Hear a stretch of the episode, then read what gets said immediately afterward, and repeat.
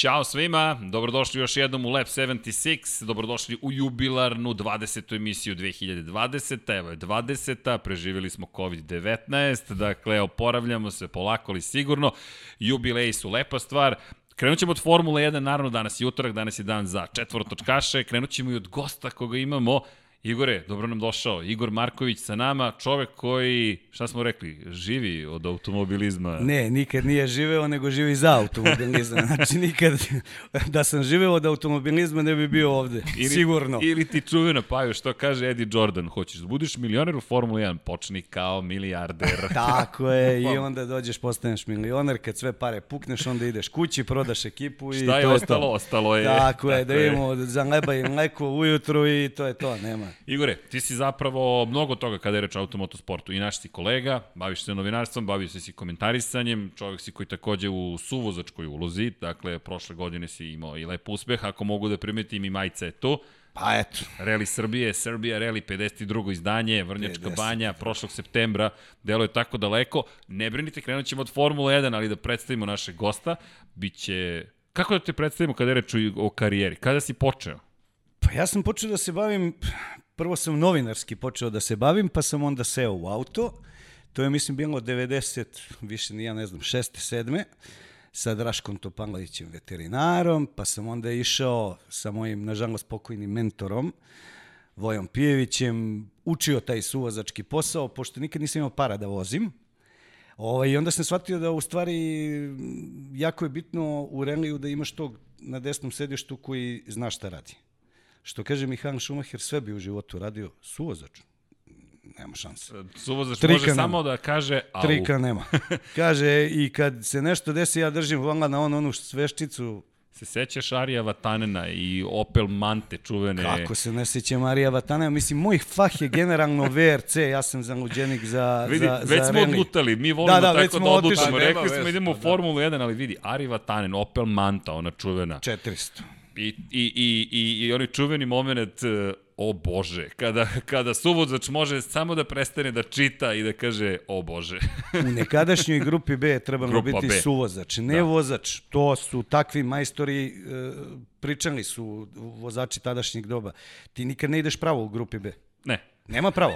ne Nema pravo i najmanja greška se kažnjava. Da, grupa B... I goreli su kao licna. Vidi, to za to posebna emisija mora da se napravi to, za grupu B. Moja preporuka da se napravi stvarno posebna, To je- jer to je jedna epoha autosporta. Jeste. Auto, auto, auto industrija, Auto industrija. svega, auto sveta. auto sveta, jer to je neverovatna revolucija za, za to Jeste. doba. Nažalost, a, tadašnji bezbednostni standardi nisu mogli da isprate Ne. tehniku, zato smo ostali bre, bez e, kresta, bez jednog to Ivonena koji Tako je. je. mogao da bude ubedljivo po meni najbolji vozač na svetu.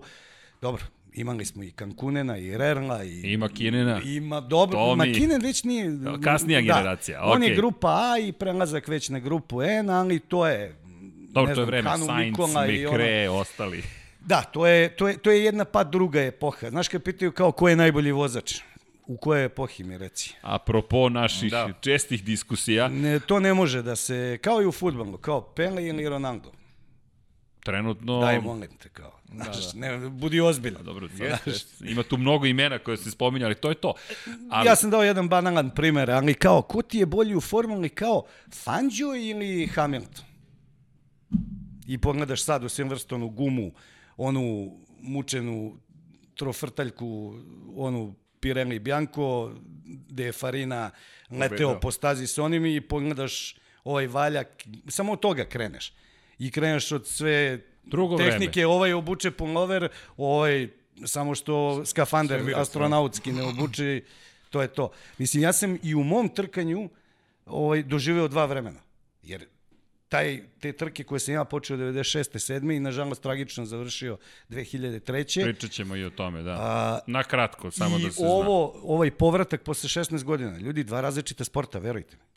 Pa, Mislim, svi, bit ćete mi, nadam se, dragi gosti, ako budemo vozili Srbija Rally ove godine, ovaj, da sednete, vidite, tu, tu nema veze s mozgom. Pričali smo o tome, to uopšte nije loš predlog, da. Čisto, čisto da, da, Evo, javno. čisto da vidimo. Da, Javni poziv. Da, Pa, javni, javni javni poziv. smo dobili, da, znaš. Ali pa ima vremena za nas, dakle, komentatori smo. E, izvini, samo srđan da ne priča u, u, u kolima, da, da, da. kad se oduševi. to sad Vidi, čuje to ne, kad to ne garantujem. Dakle, to ne garantujem. Ne, ozbiljan Ali si ljubitelj, to sam vidio, zato i kažem. Znači, Emocije su iskrene. Zato ti i kažem, znači samo kad izađeš, ovaj, u stvari, eh, kad izađeš, bit će verovatno, uh, čekaj malo se saberem. Ludački ges, sile. Bilo je svega, ali u svakom slučaju, Paju i mene, šta ste da kažem, čeka, možda vidi i mi da uskočimo u karijeru jednu novu, dakle da ispratimo. A malo smo zakasnili. E, Malo, pa? Malo smo zakasnili. Paju čeka bazen u hotelu u Vrnjačkoj banji, tamo će da pravi podcast To ti kaže, to bravo, Pazi, bravo. pod kapicom, U bazenu, u bazenu, a ti A ideš sa mnom na, u, u desno priča. sedište. vidi ko bolje priča. prolazi u toj celoj Pa. Ti sigurno. Ja, ja, ja. Mada on je opušteni. On je opušteni, da, definitivno. E, vidi se, to je sve deo posla. Dakle, Naravno. Izabrao je po pod kapicom, dakle, imamo svoje sportove, imamo te druge sportove, imam i gde nam je NFL lopta, tako da... E, Mene da, učio- tu nemaš kacigu, u- izvini. univerzalci. Znaš da smo ustanovili da mi samo prenosimo sportove sa kacigom. Hokej na ledu, NFL, automoto sportove, ipak imaš kapicu ako Ima nešto drugo. na glavi. Mora da ima na imaš glavi. neku zaštitu. Da kad Mora da une... nešto na glavi da bude. Ne, ja sam ovaj, uh, od kolege vašeg Juriševića kao počeo sam nešto da učim NFL, pa tu neka ekipa e, zna Paja e, iz te čuvene Rome, pa kao mi gledamo stalno taj Super Bowl, a ja baš, nije mi baš najjasnija, ali dobro je kad se krljaju, to je u redu, a hokej sam preko tebe. Pa da, pa Tu dobro. počeo- Tamo je to je neželjen sport. verziran, verziran. si. Fetisov Larionov Makarov. Makar, tako je. Vidiš, to pamtim. Naravno. Ti ga je ekspert tamo, iza kulisa u ovom momentu Da, Vanja. da. Ta je za NFL, Za on za obrazovanje. On je za NFL, da. E, ali ljudi, okupili smo se zbog pre svega Formula 1 i Naravno. tebe, kao našeg gosta, nego, ljudi, za nas je neviđen vikend. Da, sad je onaj moment kada volim da pričam, samo da konstatujemo. Max Verstappen, ovo je tako pečatljiva pobjeda. Što njegova, što Red Bulla, pobediti ovaj Mercedes u 2020. još na ovakvo znanje, pa i kakvu vožnju, jedna od boljih trka koje smo gledali i pričali smo ti ja, miriše nam na dobar trkački vikend, MotoGP nam je sutra na programu, u ovom studiju ćemo dakle pričati i o MotoGP, mada ćemo se dotaći i dva točka, ali ljudi, ajmo krenemo od utisaka, pa ajde krenemo prosto samo da, da sumiramo, Kakav, kakva trka. Da, fantastična trka. Pa i najbolje čini mi se ove godine, definitivno. I, i zato Sigurno. Što, baš zbog toga smo imali i više strategija i počelo je sve od, od, od Q2 dela kvalifikacije. Rekao bih da tu počinje prava Najavio priča. si, najavio Da, si, moram da počinje prava istaknem. priča i od, odličan izbor Red Bulla i kasnije sve ono što radio Max kroz, kroz trku je bilo zaista Za one koji fantastično, nisu da. možda gledali, tvrde gume Tvrde u Q2 gume, su da. izabrali još. Pazi, Jeste. kada vidimo A bele pritom, gume? pritom sa, sa toliko samopouzdanja, samo jedan krug je odvezao, ostao je u boksu, posle Jeste. nije ni vraćao na stazu, bili su sigurni Red Bullu da prolaze dalje. I pitali smo se, Sve su hoće li i uspeli su. Da, i pa pogledaj generalno Red Bull napredak i kroz rezultat uh, Alex Albona takođe. Jeste. Strategija, opet, koliko su bili je spremni. Bilo, pa oni su to, u strateškom smislu mislim da su oni najbolja ekipa, definitivno. Jeste. Oni, oni mogu iz, da izvuku maksimum uh, iz nekih postojećih okolnosti uvek se dobro, da kažem, aklimatizuju na uslove, na, na sve što se dešava, zaista jedan savršen tim. Rekao bih da je Red Bull Jeste. i najveća pretnja Mercedesa I- u, u, u periodu koji I da konstatujemo, bilo je pitanje prošli put, dakle, da li je neka ekipa ostvarila 100 od 100 pobjede u jednoj sezoni? Nije, neće ni ove godine. Čak ni veliki Mercedes, ali to je pokazatelj, to je Toto Wolff, šef ekipe Mercedesa, rekao, ljudi, deluje vam tako jednostavno. Jedno opuštanje i vi gubite trku. Igore, kako tebi izgledalo, dakle, posle svih onih prethodnih, one prethodne četiri trke? E, moj prvi utisak je da je ova trka spasna sezonu. Jer je pretilo da još jednom pobedom, verovatno dvostrukom Mercedesa, to ode u neku, pa ne mogu kažem dosadu, formalno ne može, bude dosadna za ljubitelje, ali u, u jednu kolotečinu gde će ono malo da se čeka kraj sezone, već poznat novi šampion i tako dalje i tako dalje. Moram priznati da sam ja pričao s Pajom i isto sam prognozirao a, da će neko probati sigurno tvrde gume u Q2, Uh, ono što mene čudi je da niko drugi osim Red Bulla nije probao. Tako je. Očekivao sam Mercedes, Mercedes, tebi da. sam rekao, očekujem i Mercedesa sigurno. Međutim, to što nije Albon išao, to je u redu. Razdvojili su taktike i to. Pa da. I ova a, pobeda je bitna i za šampionat, i za Verstappena, i za Red Bull, a ponajviše čini mi se za Alexa Albona.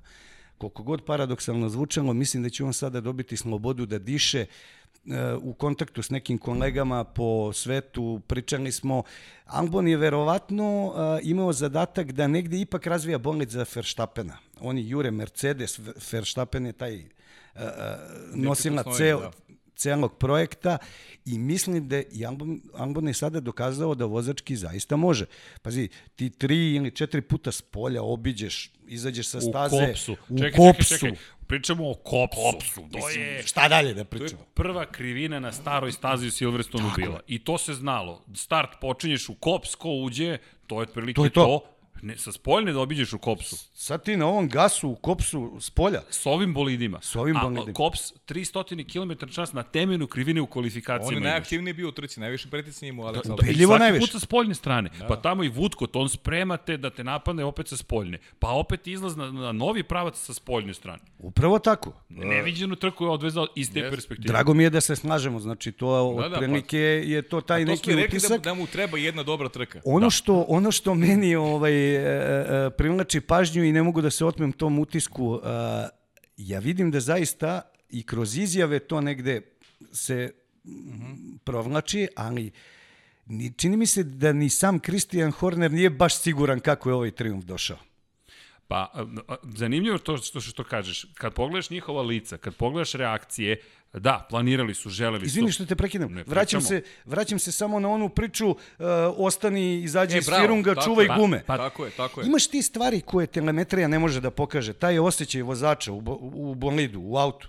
Kakva telemetrija? Kad ja osjećam da mogu da napadnem, kad ga imam na volanu, kad nemam uh, preupravljanje, podupravljanje, kad vidim da ga jedem, trkački rečeno, kad ulazim u firungu za vetrinu. Evo, pusti me telemetrije. I zato je on rekao, neću sedim ovde preko baba, mogu ali, da ga obiđem. ali je. to je meni, a znaš šta je tu meni zanimljivo? Tu oni nisu ako, bili sigurni šta se dešava. Ali ako ostaneš u zavetrini, tebi se poveća, po, diže se temperatura kočnice, gume, prlja vazduh, ona, prlja vazduh. Sve je problematično. Tako je. Ali, meni se dopostao. I Tvitovo, dosta je bilo i pitanje i utisaka ceo vikend. Dakle, mislim da sam ponedljak proveo odgovarajući i na pitanja i u diskusije. Tako da, jedna od stvari jeste bila ta sekunda. Na primjer, to je možda samo jedna sekunda.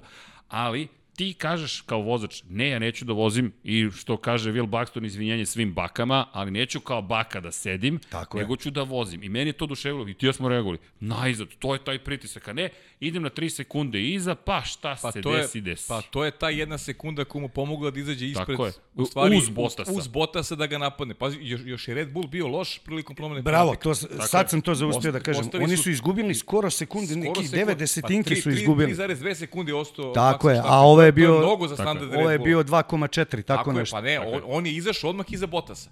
Tako je. Ali je i tu bio bezobrazan, pozitivno napao bezobrazan. Je odmah. odmah je napao, nije čekao hteo je prvu, prvu poziciju i to uradio. Ba zaista I, Izvini, znaš šta je još? Šta je Bottas rekao? E, to mi je isto zanimljivo. Ajmo samo da konstatujemo.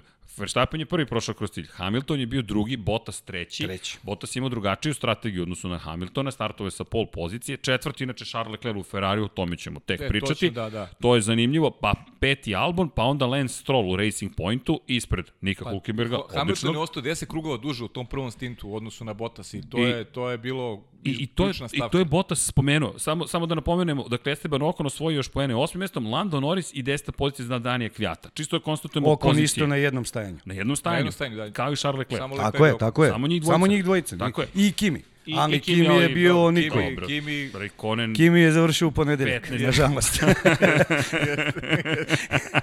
Izgleda još vozi. Mora, ali mora Alfa da, da flati zakup da, staze za ponedeljak. Baš je. Baš, Kalendarom mere za ostatak, nažalost, žao mi je, ja Kimi obožavam zbog tog stava. Ništa, to je, pa, kaže Ledeni. Evo ti knjiga, vidi, evo je. Svi ga obožavamo, nije sporno. Više takvih ljudi fali i Menselovo davanje intervjua pohvalno za, za Srkija i onaj čuveni intervju uh, udarac u da. predelu Da. Koji, da, Prepona. danas, pa ne, baš smo pričali... Toga pre, danas nema. Vidi, to smo pričali, ajde, digres, ali to je lepota podcasta. Niste niko, naravno, niste mogli da čujete, možda je Vanja snimio, nadam se da nisi sve snimio, ali dobro, šta je uradio Mansell? Mansell i Hill, 2094. borba za titulu, Australija, Hill ima poen za ostatka odnosu na Schumachera, Michael Schumacher čuveni, prvu titulu treba da osvoji za Benetton, Williams Renault protiv Benetton Forda, dovode Nigela Mansella koji je dve godine ranije svoju titulu, osvojio potom titulu u Indianap, u Indikaru i ti dovodiš Mansella I šta radi Mansell u razgovoru sa, sa australijskim novinarom? Prvo nagovori Hila da kada završi uvod u, u, u, u direktnom prenosu, da odu. I odjednom čovjek ostaje sam u kadru, onda se vrate i onda počne da udara čoveka tamo gde, ne mogu ni da kažem u podcastu, u sred direktnog prenosa. Ko to danas radi? Zamisli sada Luisa Hamiltona, kako udari nekog Nezamislivo. dole. U sred prenosa i to je Bog zna kako šaljivo i svi, i svi se smeju. I Mansell to radi pet puta tokom intervjua i onda ga zagrli, pa ga gura. Hill kome je neprijatno, vidno mu je neprijatno, ne zna šta da rade, ali on je tad klinac. Kakav crni Damon Hill u toj priči i koliko god da ga volimo i poštujemo, tu stoji jedan Mansell i ti ćutiš i kažeš, važi, ovo je Mansellova priča. Mi, izvini, ali to je ta Podsjeti me, priča. koje godine su Anglezi i Berger? 90, koje? 90, do 95. Treće. su Da, vozili. Do 95. 93. su zajedno bili od 93. jel tako u Ferrari ili 94. Nebitna je godina. do- Šta je do- bitno? 91. su počeli. Fiat radi u Maranello promociju ne znam kog modela tada i ova dvojica, na, dovde im više svega putovanja trka i sad treba tu oni da voze i Anglezi onako, aj, hoćeš ti, hoću ja, hoću ja, kao Anglezi vozi i voze se ovo i Berger u sred krivine ručna i krov. U kao Da. smo se dobro zanimali. Da. Super nam je bilo. Znaš ko je to uradio, izvini, znaš ko je to radio sa, sa Gronholmom? Jeff Gordon. Jeff, Jeff Gordon na, na trci šampiona. Trka šampiona, Race of Champions, koji je zapravo Da, ozbiljan trkački događaj kada odluče da se trkaju, ali realno to je fešta, to je jedan spektakl u dvorani, uglavnom gde su svi nežni, vrlo pažljivi. Zabava I milion. kaže Gronholmu, Gordon kaže, ma, da vidimo mi šta ovo može. I okrenuli su ga u dvorani, Peugeot su okrenuli na krov. I Gordon izlazi i skače od sreće, kaže, to, najzad. Amerikanci show must go on, business, to idemo, publika došla da vidi neku majmunariju, kad tako mora da kaže. Ali, ali Gordon koji je Ali nemaš Naskara. ti, nemaš ti više te, taj Gerhard Berger je pravio kakvi su, Svašta kakve su je to izjave, Gerhard šta Berger. je Gerhard radio, Berger je Gerhard poznat Berger je bio, ja sam ga dosta. obožao, Jean Anglezi je dobio otkaz u Ferrariju zato što je po hiljaditi put kad je išao ka toj prvoj pobedi u Monci, gotovo sve, Ferrari staje. Čovjek je dobio otkaz, izvadio volan E, se sećaš i bacio 95. volan i ovi rekli, Ali te se sećaš te 95. izvini, tada je sećam se dobro jer sam kamera. ja za Anglezija Čekaj, navio. otpala je, a pazi sad ovo, otpada kamera sa bolida Alezijevog, tada je bila teška 4 kg i uleće Jeste. u bolid Gerharda Tako je, Bergera, tako je, bravo. a Alezi ostaje bez motora.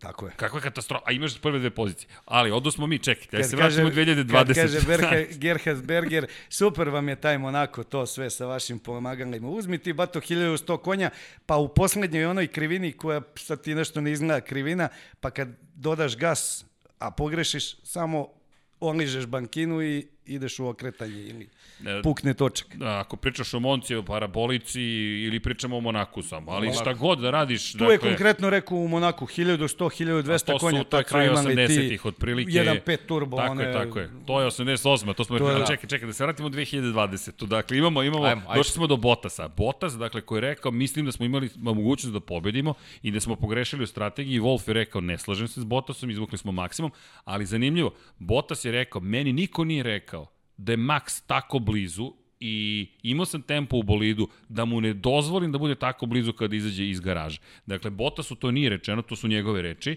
Bottas koji je produžio ugovor s Mercedesom. Max ga ipak stiže kako god, to je zanimljiva priča u okviru Mercedesa. Sad kada je potpisao ugovor, da li je rešio da ipak pokuša i politički pritisak da vrši, ali kako god, Bravo. Max ga pretiče. Ja se nadam da je Bottas nešto rešio da promeni. Bravo, mislim da si apsolutno u pravu. Ja mislim da je Bottas konstantno žrtvovan, da tako kažem. Na Pa i sad mi se tako čini. Ovo, upravo to sam teo da kažem, ovo je klasična žrtva da bi Hamilton otišao napred, da se osigura na vođstvu, jer nije Mercedes uh, lud. Uh, idu, idu trke Španija, koliko će bude. Pre, preko 30 stepeni će da bude. Gde ima problem Oni, oni Mercedes? definitivno vide da imaju, sad će krenuti lobiranje, spustite mi, e, minimalne pritiske, jer očigledno je tu igranka. Znači, dovoljno je e, 0,1-2 bara, 0,1 bara. da ti napravi apsolutnu havariju. Mercedes je, e, što, kažem, seljački drljao gume. Nije ostalo ništa od tih guma. Pa posle 10 krugova tvrde gume ne postoje. Tvrde gume ne postoje posle 10 krugova. Pogledaj Leclera koji je izvezao na, na jednom stopu Najbolja na medijumima 20 i nešto Kakvu krugova. trku oduzao? Pa sjajno, Lecler je, Lecler je bio sjajan. A, a, apropo Bottasa, sad i ove, ove priče, mislim da Bottas vrlo dobro zna u kakva mu je pozicija Tako i tu je. se neće promeniti ništa. E, lepo je da pokazuje reakciju, ali uvek će biti Vidi, teško će promeniti sada, ali možda se sa za teško. nešto izbori. Pa da, ali, ali on je pokušao da promeni time što je tražio dvogodišnji ugovor pa nije dobio.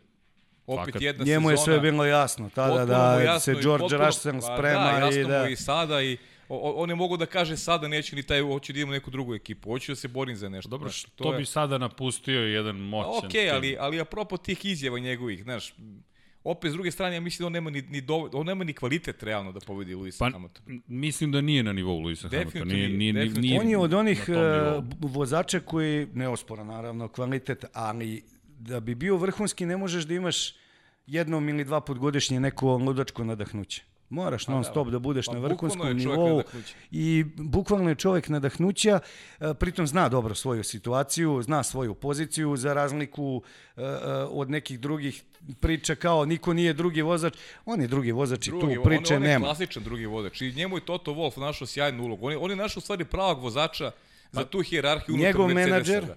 Njegov menadžer, kažemo, sedi tu, to, vozi to i, I sve dobili smo, izvini, jedno od pitanja, jedno od dužih pitanja, ajde da, da, da, da iskoristim priliku, baš uh, apropo Botasa je bilo. Uh, i, I prvo, još, zapravo, najpre, pozdrav svima. Dakle, Igore, uh, ti si nam doneo neke poklone, hvala ti. Dakle, da. Pa čuo sam u podcastima da e, tako sad počeli ljudi. Mislim, ja sam vam doneo... Fenomenalno. Ja, ja čuvam, mnogo toga sam dobio, ali čuvam sam, samo ono što ima zaista neko veliko značenje za mene. I veruj mi, uh, rekao sam pa i teo sam kačket uh, koji mi je nabio na glavu Rob Huff da donesem Lada Rosnjeft, međutim, I ti spominješ Hafa, zanimljivo. Deki Sjajan Potkonjak nam je bio sjajan prošle tip. srede i spominju Roba Hafa. tip. Gledao sam Deki. Deki, Deki je moj veliki prijatelj i ja Deki je mnogo volim i prvo je fantastičan kolega, novinar. Jest. Razume se u autosport ovaj, i baš je bila dobra priča, onako uživao sam.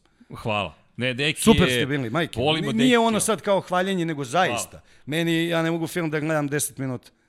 Ali ovo sam ceo podcast gledao i baš majke Hvala. mi moje. Ne, hvala. Bilo koji film, bilo koji film. a? Pa volim Briže, onako bolestan. Ja volim te malo. Da, da, dobro. Briže je moj omiljeni film. Ok, tako ovo je da- interesantno.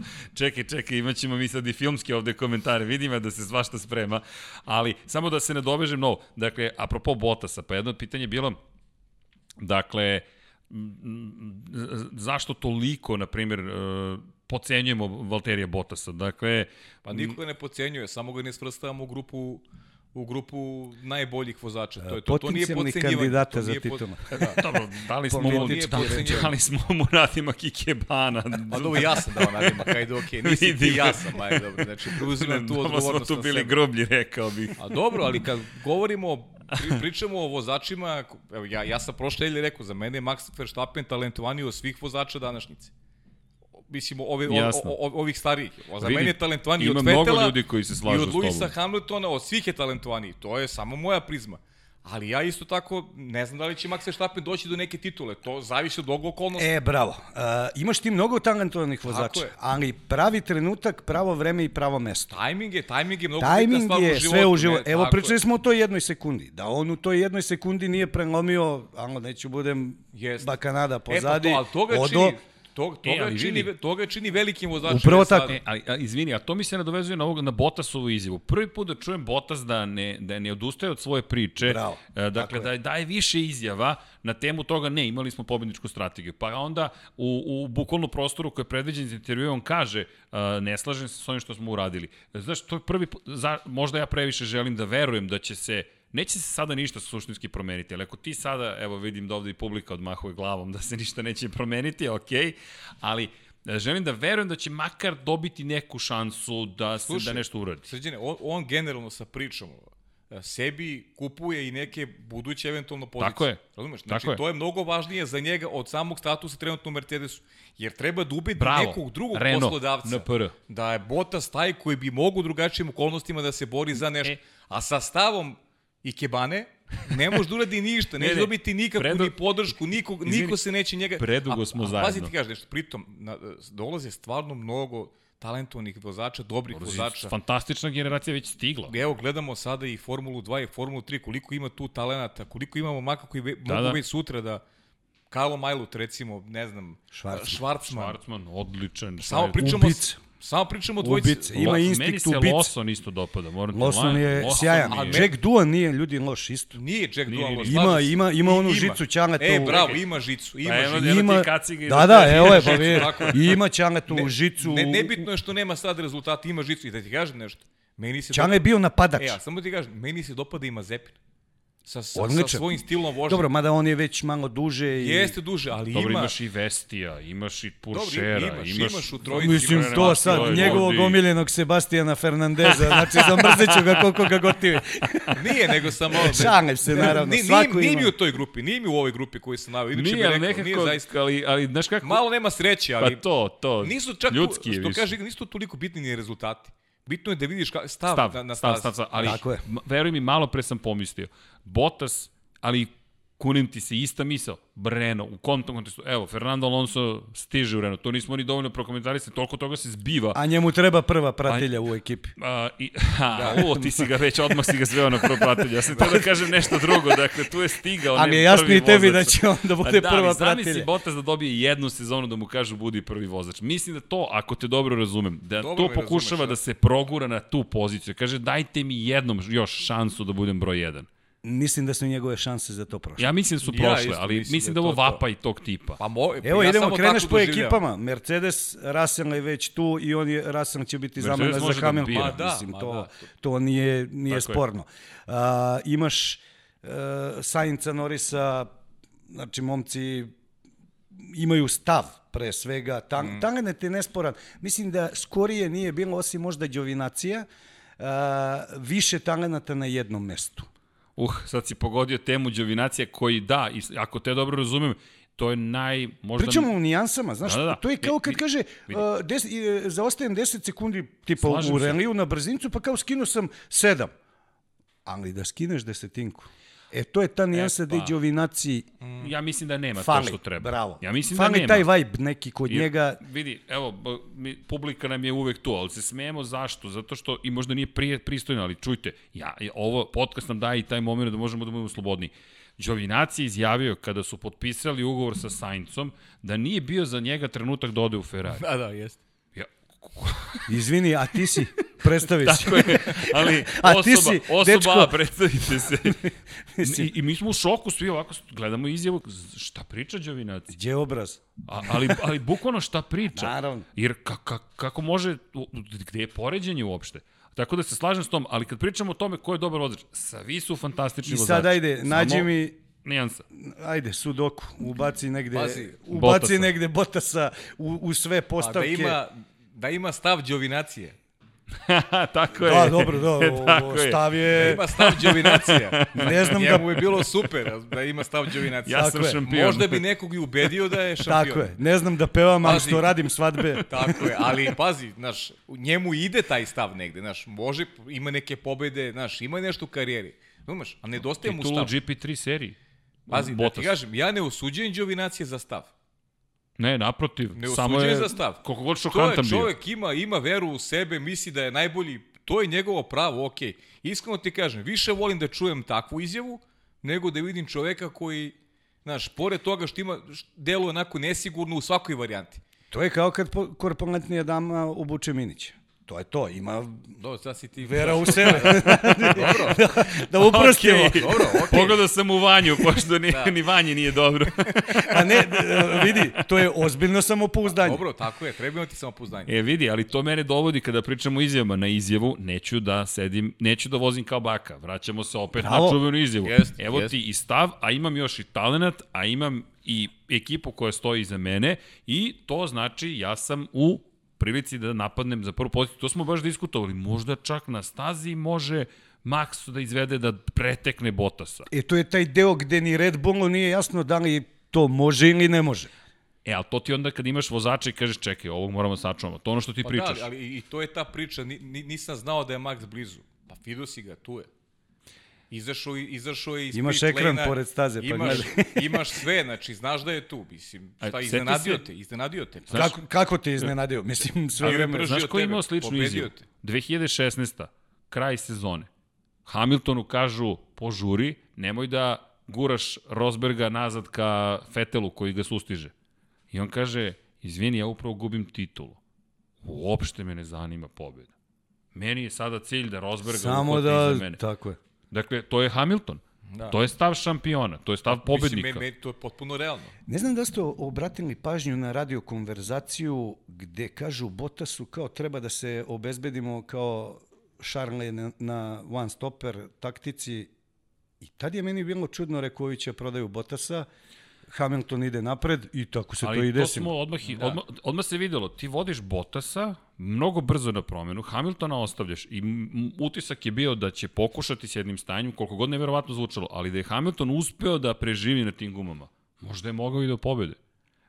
Možda je mogao na jednom stanju do pobede, ali, Ali se videlo da definitivno je, je bilo bila da krpara. Da. Ja stvarno do žice je svuko. Sve, Nisu, nisu smeli se dozvole taj luksuz. Jer, Da ne završe Tako, jer imaju Maxa, imaju, u- Max imaju ozbiljnog rivala. A, meni se sviđa a, Toto Wolff koji, ne znam da li ste videli tu informaciju da je Ola Kalenius, šef Daimlera, vrlo nezadovoljan s njegovim istupima, da je nije fokusiran na Mercedes i tako dalje i tako dalje. Znači, to je već ozbiljna priča Aston koja Martin. možda nagoveštava... Aston Martin. Fly, A, fly. Da, evo ovde Aston neki Martin, navijaju za upravo te Ovaj, poteze. E, sad Aston Martin je u teškim finansijskim problemima. Ova godina je I to može mnogo da im poremeti planove. Pitanje je Jeste. koliko e, Lorenz može da još izvadi, da obije neki zid, da izvadi Lorenz neke šuške. ozbiljan novac daje u Formulu 1. Preozbiljan. Da se vratimo na Edija tu Jordana. kapa dole. Kreni kao milijarder, I Završi kao milioner. milioner. Da. ali će se lepo zabaviti, što će biti dobra žurka. E sad, gde je e, tu poenta meni? Toto Wolff je sve vreme posle trke pokušavao sportski, je kaže, ok, pobedili su nas, to je, nije hteo da ulazi u neke dalje priče, analize, njega već boli glava, upravo idu te trke, ide Španija, ide to po 35 Pa da. stepeni u, u, u, u, u ladovini pod klima uređajem. I on zna da ne, neki problem sa gumama postoji, odnosno Izvini. sa zadnjim trapom. Dotakao si se izjavi, i baš je rekao, bukvalno su rekli, Tako je. vidi se, sada imali smo sumnju, sada imamo i dokaz da na visokim temperaturama imamo probleme. Pazi, obično kriješ svoje slabosti, sada Vrlo ne možeš da zabrinut. sakriješ. Tako je. I Mercedes, ako se vratimo u Austriju prošle godine, gde je patio? U Austriji, Upravo, po bravo. visokim da, temperaturama. Bravo, tu je bio problem. I menjali celu oplatu, hlađenje, kako da srede Pazi, motor. o- oni ne samo od Red Bulla, mogli bi imati problem i sa Ferrarijem u, u, u, u takvim. Mislim da Ferrari, e, ovo je sad neko batrganje, da tako nazovem. Ne, ali, ali, Leclerc, nismo završili tu temu. Leclerc je zaista vozio, gledali smo konstantno vremena. E, Leclerc je fantastično čuvao pneumatiku. To su bili sjajni rezultati. E sad, pitanje je šta će u Španiji da napravi. E, Pa ljudi, dobro, drugačija staza, to jeste, ali... ali, ali Potpuno drugačija staza. Znaš Potpuno to jeste. drugačija postavka, setovanje, oslanjanja, downforce, drugačija pitanje. Oni sad već kreću te lobotomije, koje ćemo p- e, e, onu gornju platnu, donju, čak se pojavljuje priča da su primetili da e, stabilizator na Red Bullu radi, varira. ponovo. Ponovo. Da, da, Bravo, da, čekam ponovo. te, samo gledam te. Na gledam te 10 i čekam godina, te. Da. I na 10 godina imaš fleksovanje krila. Čekam te, samo vidim da znaš. 3 cm, ljudi. E, Menja downforce Vidi, ozbiljno. Pa, malo pre si Pogotovo rekao, u brzim krivinama. pritisak u gumama je 1.5 bio, spustili ga na 1.4 i ti imaš potpuno drugi bolid. Mi pričamo o, o energiji koja se tu oslobađa, o gde ti gram važan, ali, ali apropo ovoga što je Pavle rekao, ako pogledaš Barcelonu, šta, šta se, gde ja mislim da je najveći problem? Kvalifikacije ljudi. Ferrari ne može sebe da postavi, jer da Max nije odradio kvalifikacije dobro i da na startu nije pretekao Hulkenberga, nema pobede. Hulk da ga je držao u Racing Pointu iza, kraj. Da, da, to, To je kraj. rekli, Mislim da to smo se on znaš, vrlo tu ovaj, diplomatski poneo. Ko? Niko. Niko. Da je video da tu nema šta, u ostalom i taj njegov famozni pit stop znamo zašto je bio. Sad te priče, Ma nije da, da, guma ma da, izdržana, je. Ma da, ovo je- ono, mora da ide Lens napred, vozi celu sezonu i negde je to u redu. Uh, sa strane biznisa i, i, i svega toga.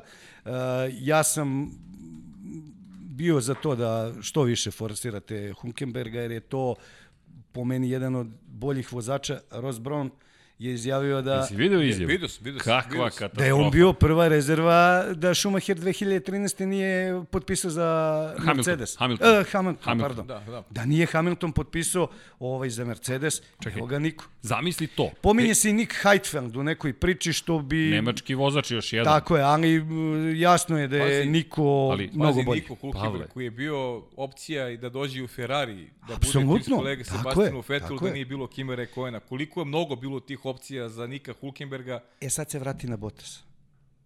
Ma da. Koje bi on opcije imao van te priče. Niko je iz Zaubera, iz Force Indije Jeste. imao raznorazne opcije. Ali dobro, ali ovo je dobio jednu, jackpot je dobio, iskoristio Dobro. to i eto, napravio neku karijeru, znaš. ali Pritom da, u Williamsu koji je tada bio jako snažna ekipa. Jeste, Tako moćna je. ekipa, baš moćna ekipa. I kad je Bottas došao, Williams je treći bio prethodne sezone u Tako je, šampionatu treći sveta. u Ja šampionatu mislim da će Niko sveta. Hulkenberg da naplati o, ovo kraće pojavljivanje na stazi za, za sledeće godine. Ja mislim da će on da vozi Španiju, ne znam zašto. E pa, Nemam uopšte e, Da, pa- niti informaciju, zaista nisam, Da, kim- nisam moguće. ni komunicirao, ni, ali mislim da će on da vozi e, e, e, Španiju u svetlu pa kažu da su, razgovora, da su Perezu, Perez, da su Perezu lošiji rezultati bili na ovom drugom testiranju nego na prvom. Tako je, imao je veći, veću koncentraciju virusa, ti Tako dobro znaš, nažalost. Znam. Ovaj, e, to sam zaboravio, da kažem, mnogo mi je drago, ovaj, ja sam se Hvala. zabrinuo kad sam sa, sa, sa Pajom pričao, naš obostrana upalna pomoć u tom trenutku i kod mene kući, supruga i sin imaju, ja sam bio na nekom putu. Cijela pa, žurka. Pa, cela žurka i onda znam kako je njima bilo i kad sam čuo da je obostrana upalna, joj, rekao, još te čujem, uključuješ se u prenos. E, rekao, nema E, tad snage. nije znao. Spavo si verovatno tri dana posle toga. Jesam. Pa da, pa tačno sam znao. spavao sam. Znam kako su ovi moji kopijane kokoške teturali po kući, nisu mogli E, ali to je... špajz, kuhinja, Ajde, špajz. možda nisam prosto, hajde, da, da ne, ne volim da privatizujem te stvari, ali čisto zarad svesti, ljudi, neki prođu bez ikakvih problema. Tako je.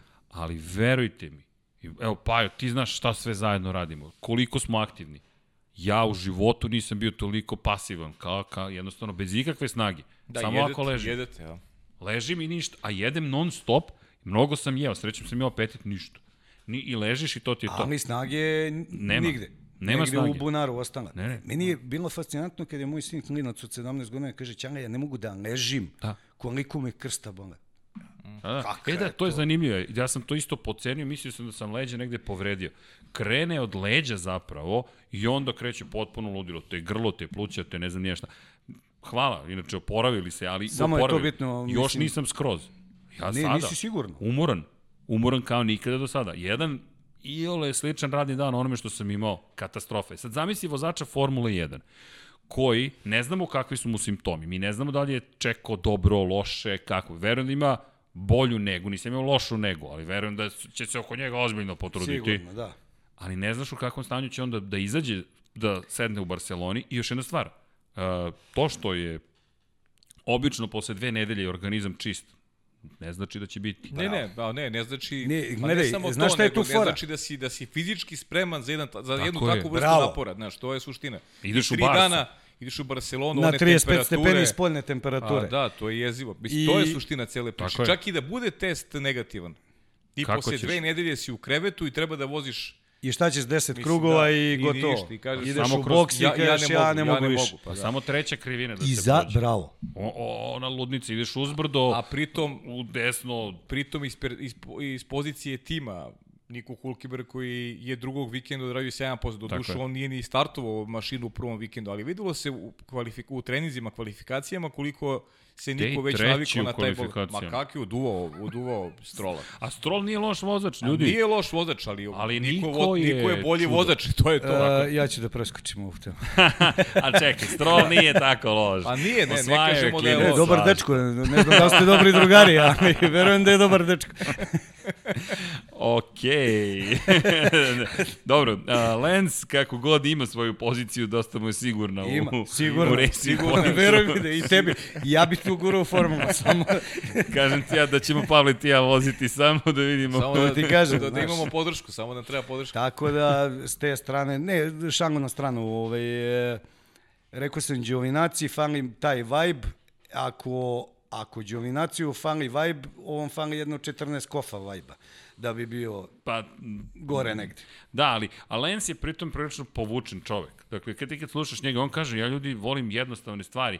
Dakle, nema ni taj ubilački instinkt, a moraš da ga imaš, u, pogotovo u Formuli 1. Tamo, Pa Naravno, to- to- kad tata ima to- pare i finansira sve. Pa kako? Da, pa ali, kako? ali kad to- je boga čovjek igrao futbol? Nikad. Nego ovaj sirotan što je igrao bos, gulio tamo po faveli i onda on ide uzme milione. A ovaj već ide da troši milione. To je bitna razlika.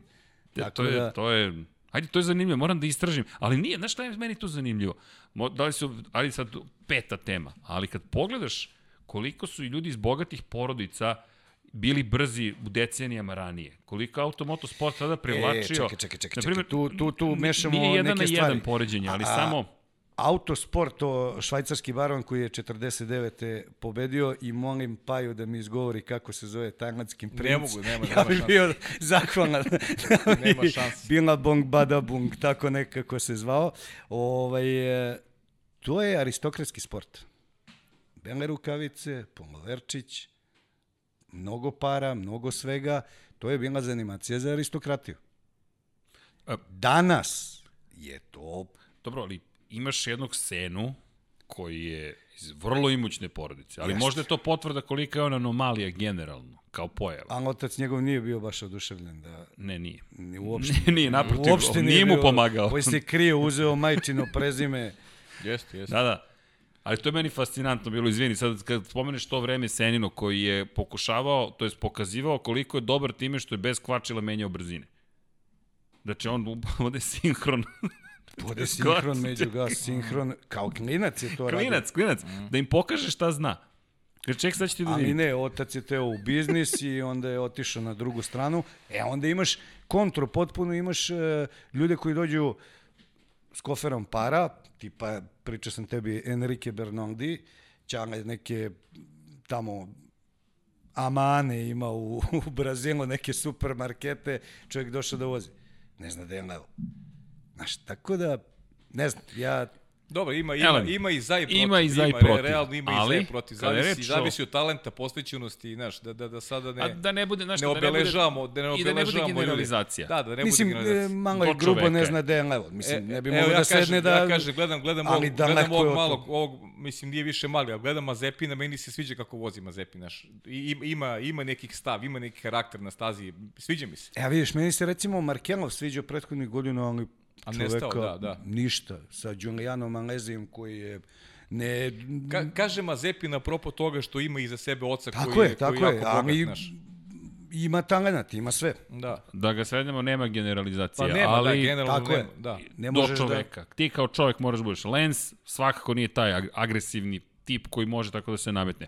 Ali opet, Hulk ako dobije priliku, svi sada već govore, pa niko možda ćeš uspeti da iskoristiš ovu šansu. Znači, on je rekao, polako, idemo jedno, idemo jedno po jedno, mesta nije baš da ima mnogo slobodnih, ali I nisu neka mesta koja Tako je. su onako baš da kažem obećavajući, ali mislim da bi njemu značio Ko povratak zna. u Formulu 1. Ko zna šta će biti iz 2022. Da se vrati za pa početak. zamisli bude probni vozač, Brzi- na primjer. Jako je lepo što je i, Ja i da Lewis je- Hamilton rekao da, da on zaslužuje mesto na cel, za, za celu isto. sezonu. I Max Verstappen je rekao. Verstappen tako je. je rekao, Ko te podrži? Najbolji Jeste, vozači najbolji. današnjice. Tako je. znaš, možeš Jeste, voliš nekog, znači. ne ali najbolji su, današnjice. Jeste. Lepo je rekao Srki. Je, slažem E sad, uh, ova, ova teza Srkijeva je dobra.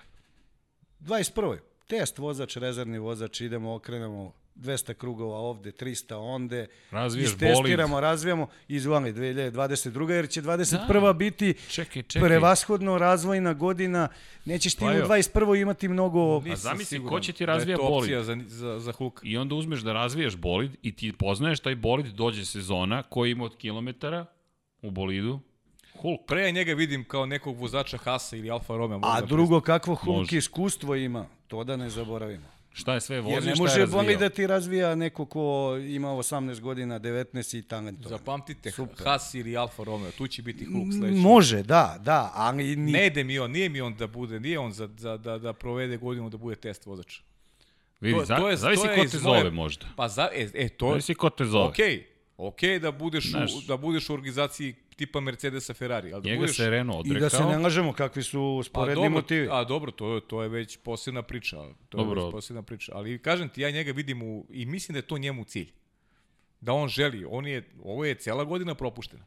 Ima već on McLaren, godina. da Ferrari, bi se propusti i Mercedes, sledeću, kao Renault. da bude u simulatoru i da vozi, da bude test vozač. A Ne, ali neće biti u simulatoru. To je Okej, poenta. da bude To, to. test vozač. On će na stazi Ne, da, ne, da će bije da više razvija- kilometara nego svi A drugi. to, ali on će da razvija za 2022. Tako je. I on ti stiče iskustvo i odjednom imaš spremnog vozača i onda mu kažeš, ok, Pazi, Renault ima Francuza, mora da ima Francuza, ima Okona, ali ko zna, možda završi Niko ponovo u Renaultu za Alonsa, jer Renault kad čudne bude... stvari su se dešavale. E, Renault kad bude na onom nivou da nema puno Francuza u ekipi, ta će verovatno da se vrati na pobedničke staze stare slave. E, to, to je bitna tema, taj sudar kultura različitih. The Clash to of ljudi ne kapiraju. čuveni. Bili smo tamo, gledali smo. To, to je neverovatno. Ali ti istu reč koristiš za Japanci. različite stvari.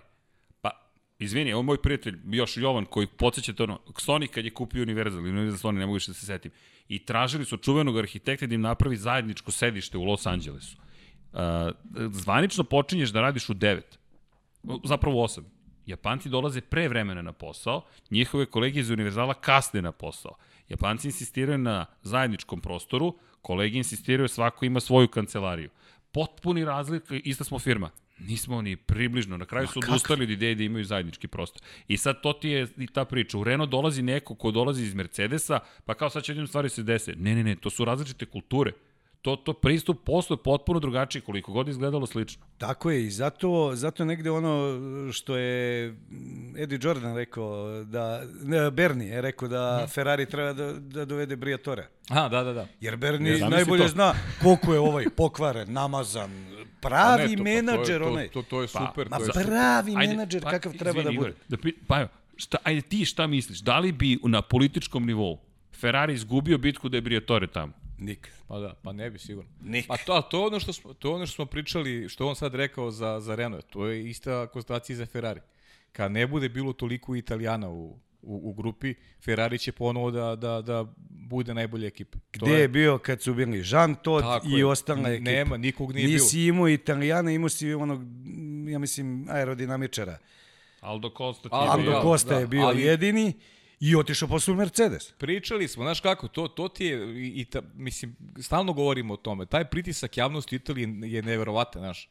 E, Oni njih bukvalno vređaju Gaze- medijima. Ljudi, bukvalno, Gazeta znači, dello s- Sport. Ne, ne, to, Oni njih to, vređaju to, je, to, je, to je razbijanje potpuno i, a, i prosto čovjek ne može to da izdrži. U toj atmosferi ne možeš pa da radiš. sećaš se da smo se smejali uh, kad smo videli šta ga je Hamilton pobedio na tri točke. Zatvaraj fabriku katanaca. Jeste, da. Pa, Ćao, buk- ekipa. bukvalno. E, e, to je, to je, to je pisala gazeta. Zatvorite Baš fabriku onako- Jeste. kad vas je Hamilton pobedio na tri točka. S puno razumevanja i ovaj, jeste, da, da, saosećanja jeste, i jeste, podstreka za dalje trke, zatvori fabriku. Tako je. znači, E, Izvini, to je zanimljivo sad, sad da se i Alda Koste, na primjer, to su to, ljudi o kojima smo mi pričali, dakle, i, i, i o kome smo sve pričali u eri Rosa Brona i sad kad pogledaš kada se Aldo Costa pojavio, pojavio se 2014. kada govorimo o Mercedesu. Dakle, početak hibridne ere. Pa to je čo, čovjek, Čovek se tad pojavio. mi e, stalno govorimo to Toto Wolff i ja, ja, sam, ja sam imao onu, onu tezu nije Toto Wolff, Ross Brown je taj koji je postavio Mercedes. Toto Wolff je produkt nekog rada i Pa Rosa i on je naslednik zapravo On je celoj priči. on je došao, on je pokupio samo kajmak. Svi pričamo o nekom neverovatnom menadžeru Toto Wolfu. Nije, to je sve je napravio sve je napravio Ross Brown. Toto Wolf je samo pokupio kajmak. Ako neko zna kako se mimo ilaze pravila i pronalaze rupe, to je Rozbron. Ma nemoguće. nemoguće. 2009. i idemo Gde dalje. god je, čekaj, gde god je, gde god je bio Ajmo Ross Ferrari, Brown, pre gde god je toga. Ross Brown je napravio, je, Čekaj. je napravio čudo. I uvek je bila neka spletka. A Uvek je Bene, bilo seti se spletka, kazne. Benetona. Izvini, ko je skinuo filter za gorivo? Ko je skinuo da ti možeš da sipaš zapravo mnogo više litara goriva u sekundi, pa si zapalio Josa Verstappena u Tako je. Nemačkoj? Zapalio si kad nije izgoreo. Ko je ko- zapalio kuću? Brown. Šta će Pa biti da. s kućom? I onda kažu, pa ne slučajno, slučajno zaštita nije Tako bila u je. crevu. Pa Pa ti skineš prsten koji, prsten koji ti- sigurnosni, sigurnosni prsten. i tu gura još 5 litara u sekundi više Tako je, i dve sekunde ranije i si završio i čao. Ali kad smo izvlačili malo i ispalo, malo ups, ispamo. i Pa, Jos u požaru.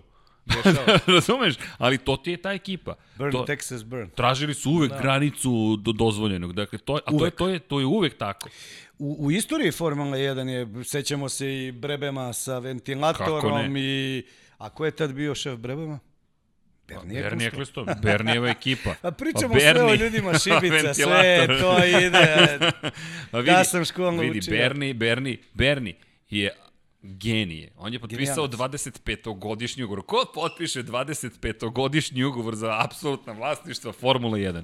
Čovek koji ima viziju. Dakle, I kakve kako? god da su mu metode, Bernie dođe i kaže, hm, četvrt veka, četvrt veka, a ja ću od ovoga da napravim proizvod. On je, on je biznis uveo, ali kada o tome pričamo, mnogi pričaju bezdušna je Formula 1 ili ovako ili onako. To je, nažalost, deo jedan deo medalje. Drugi deo medalje, ne postoji savršenije organizovano sportsko takmičenje od Formule 1. Dakle, Samo da se ima stvari koje treba popraviti. malo Slažem opusti, se. da dođe vidi, neki novi A hunt. to ti je sad otišli su u drugu krajnost, ali uh, ljudi koji, pa ti i ja znamo, dakle kada pogledaš, pa evo, e, e da, mogu da najavim i sledećeg gosta, dobili smo potvrdu, naredne nedelje Zoran Živkov nam dolazi. Super. Zoran U, Živkov sjajno, dolazi, Žile, tako će super, biti baš Zokice, zabavno. Da, Zokice je stvarno ceo život Suki je spominjao. Posvetio Formulu Jeste. 1 i niko više nije bio na trkama od njega. Ni- Mi ne, jesmo ne. Još, I ima ta neposredna i prijateljstva. I... On je genije i jedan čovjek divan je čovjek. sjajan, divan, divan čovjek. Pre svega jedan, čovjek. Pre svega čovjek. Zaista. Jedan smiren tip. Super, lepo. I to, ali sad ste ti kažem, Suki je spomenuo zašto. I on, i Suki, i svi ostali koji su se bave tim poslom. Kaže, gde god da smo bili u sportskim, na sportskim takmičenjima, niko nije kao Formula 1. Niko nije I to je kao zaista Formula 1. tačno. Bili smo, Bogu hvala, i ja zaista i Formula, i VTCC, i VTC, i Turing, svi šampionati, i mislim da samo na DTM-u nisam bio. Ovaj, Ma ništa nije nije, nije stvarno za poređenje. Ljudi, kasno, to, to to da DTM, pa sad kad ga ugase, verovatno mogu da idem, stojim, Ja, čekam. nažalost. Čekam, E, kad pa će ovi da naiđu. E, ali to je Deki Da. da. Potkonjak spomenuo. Mercedes koji je uzeo pare iz DTM programa i gurnuo program Formule 1. Zašto? Pa, diže nam se temperatura na Red Bull ringu, nismo bili najbolji, zaostajemo 50 konjskih snaga za Ferrarijem, ovo nije prihvatljivo. Andy Cowell, imaš zadatak, HPP Performance, molim te, hoćemo jači pogonsku jedinicu, ali nema para, nema para. Ugasite DTM program. Ubi DTM i čao. Jeste. Cijel šampionat je ubijen praktično. Vidi, Pa Citroen ceo je, da, pa Citroen to je, da. Citroen je ubio VRC tim zbog Sebastijana Ožije. Da. On je otišao u Toyota i rekli, šta sad? Mislim, dobro, malo je to i izgovor, Ima jer su izgovor, oni već bili, bili su tu, na ali- klackalici, hoće, Dobro, ali neće, je bio- i ovo je otišao i rekao gasi. Ali ž- šta sam teo da te pitam, ti se sigurno sećaš, malo si stariji. A, šta je Opet, uzeo, opet godine. On pa je najstariji. Ne On vredi. je najstariji. da ne čuje u mikrofon, dva dana stariji od sunca. Da. šta je prvo uzeo Bernie Eccleston kad je krenuo brebe mi ovo, gde je prvo zagospodario? TV prava. Ne. Udruženje konstruktora. Da, udruženje FOM. FOM. FOM. FOM. Znao a preko je FOM-a odakle, je uzeo TV bravo. prava. Tako je, Formula 1 management. Od I Južnoafrička republika, ako se setiš bojkota, Bojkota, vozača, i FISA, Jean-Marie. Balestre, protiv Bernija, i, i nisu oni bili najbolji drugari. Ne. Naprotiv. Naprotiv, Oni su bili, nisu bili. ovako su protstavljeni i ti kad pogledaš tu celu, da li je FISA ili je FIA ili je FOM, pa ko je sada ovde glavni i kako se to radi? Tu je e, napravljena ta glavna e, prekretnica u, u, u Formula 1 da ona Da, da. bude zaista ovakva kakva jeste. I ko je, izvini, bio posle glavni u FII? Njegov stari prijatelj. Max. Max. Max. Max. Voli devojčici. ne, da, dobro, sad, ok, podcast je, Ne, možemo. morao sam, A može, morao sam da. podcast je nije Da, televizija, čuvena- morao sam. Čuvena priča bičuj o nekadašnjem, nekadašnjem predsjedniku Međunarodne automobilske federacije i skandalu, On bi recimo sigurno seksualnom klečao, skandalu ovaj, u kojem je učestvovao. On bi da. sigurno klečao danas. Ali samo pred Ok, mislim da smo do, dosegli novu, Da, da, no, no, da, da, no, neću, nove, neću, nove granice. Ej, vidi, podcast i to trpi, ali u svakom slučaju, da, da ne uvijamo reči. Činjenice da, da smo imali taj jedan period, Max Mosley, za one koji možda ne znaju, je bio izuzetno uticajan. Concord ugovor kada je potpisan u tom periodu, jedan od prvih, dakle, Concord ugovor je takav ugovor da svi moraju da pristanu na pravila tog Izvini, ugovora. danas se pojavilo Mercedes, definitivno neće, Neće da potpiše novi. Concord. Tako je.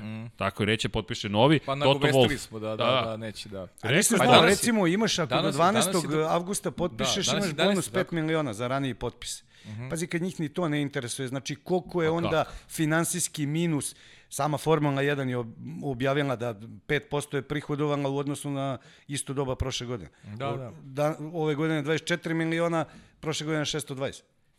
Mislim, jezive su recesije. E, sad je tu borba. Ferrari i dalje ima onaj heritage Zadržao ga je. Zadržao ga je. Izborio se. Red Bull je dobio veću kintu, Mercedes mnogo veću. nije. A Mercedes nije. Mm. I Wolf je to rekao, to što I smo možda, pričali. pazi sad, možda negdje ima ta cela priča, logiku da, e, dosta Mercedes, imamo sad Aston Martin, tu Uh, može da bude Čekaj, igranka, čekaj, ali čekaj, vidi, čekaj. Ali je politika. Ali pogledaj koliko njima krivo bilo što su izgubili prošle godine. Da. Ja i dalje, jer jedna od teorija naših je bila, pa evo, se sećaš, da će sad McLaren Mercedes postati ponovo fabrički tim, makar moja, u neko dogledno doba, da će Mercedes odustati, otići u Formulu E zapravo, da će tamo da stavi sav svoj Evo novac. ga u Formuli E. Evo ga, evo ga u Formuli E. Još nije stigla. Zašto ja mislim da još ne ide u Formulu E? Ne nužno zbog tehnologije, nema gledalaca još na Formuli E kojih ima Nema na Formuli 1. gledalaca trke trolejbusa, niko neće gleda. Ljudi, ja sam pisao u novinama pre 10 godina. p-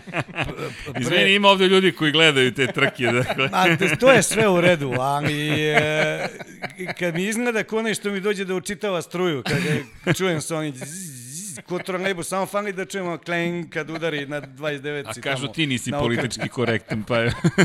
Da, da, pa, kakav, mi smo umiveni skroz. pa A evo, dobro, ja sam ceo život takav, mislim, ne I znam. treba da budeš to me, takav, I pa to me košta u životu, ne mogu da kažem. Ovde ali ne, jednostavno- ovde je uživanje. Ne, ali vidi, pre 10 godina moj drug Bane Pijević iz, i- izvadio, kad je krenulo u povoju Formula E i on je izvadio neki sat, pošto ja pišem za, za sat od prvog broja, na što sam izuzetno ponosan, a, zbog samog načina kako je to nastalo.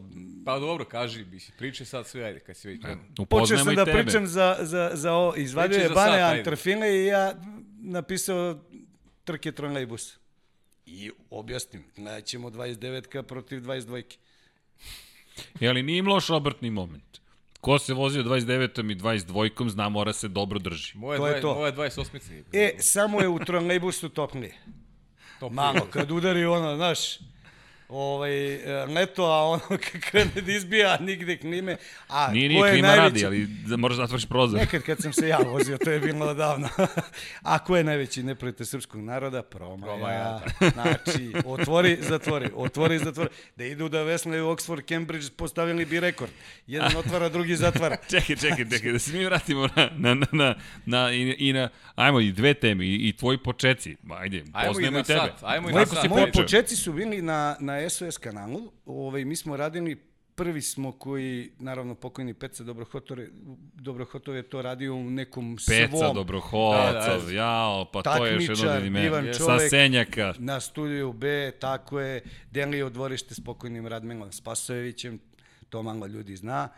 A, Peca je krenuo u tu priču i onda smo mi to krenuli malo, nismo mi na Sos kanalu tada imali ovaj, e, e, varijantu da, da možemo da radimo direktne prenose. Bilo je tih nekih letnjih liga, Boban, Nebojša Boban Atanacković imao jako dobar sluh i Paja Komnenović i Andrej Kolundžić i svi e, imali su jako dobar e, sluh e, da treba da se radi letnja liga mediji, pa onda uzmemo reportažna kola pa smo pravili direktne prenose. Ne, samo se malo približi mikrofonu. to, to, to. a, Izvini, ja, ja, ja sam se već zavalio, pustio sam se. Da.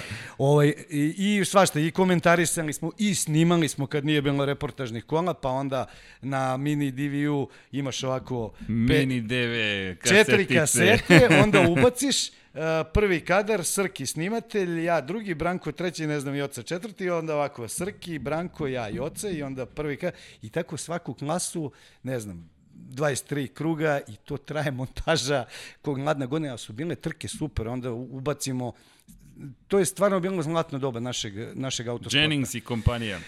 Pa i Jennings, evo sad, ako tu krenemo, Nemoj, ako nemoj. tu krenemo. Samo ja se sjećam Po- ovog Jenningsa, pošto se svađa oko Jugića.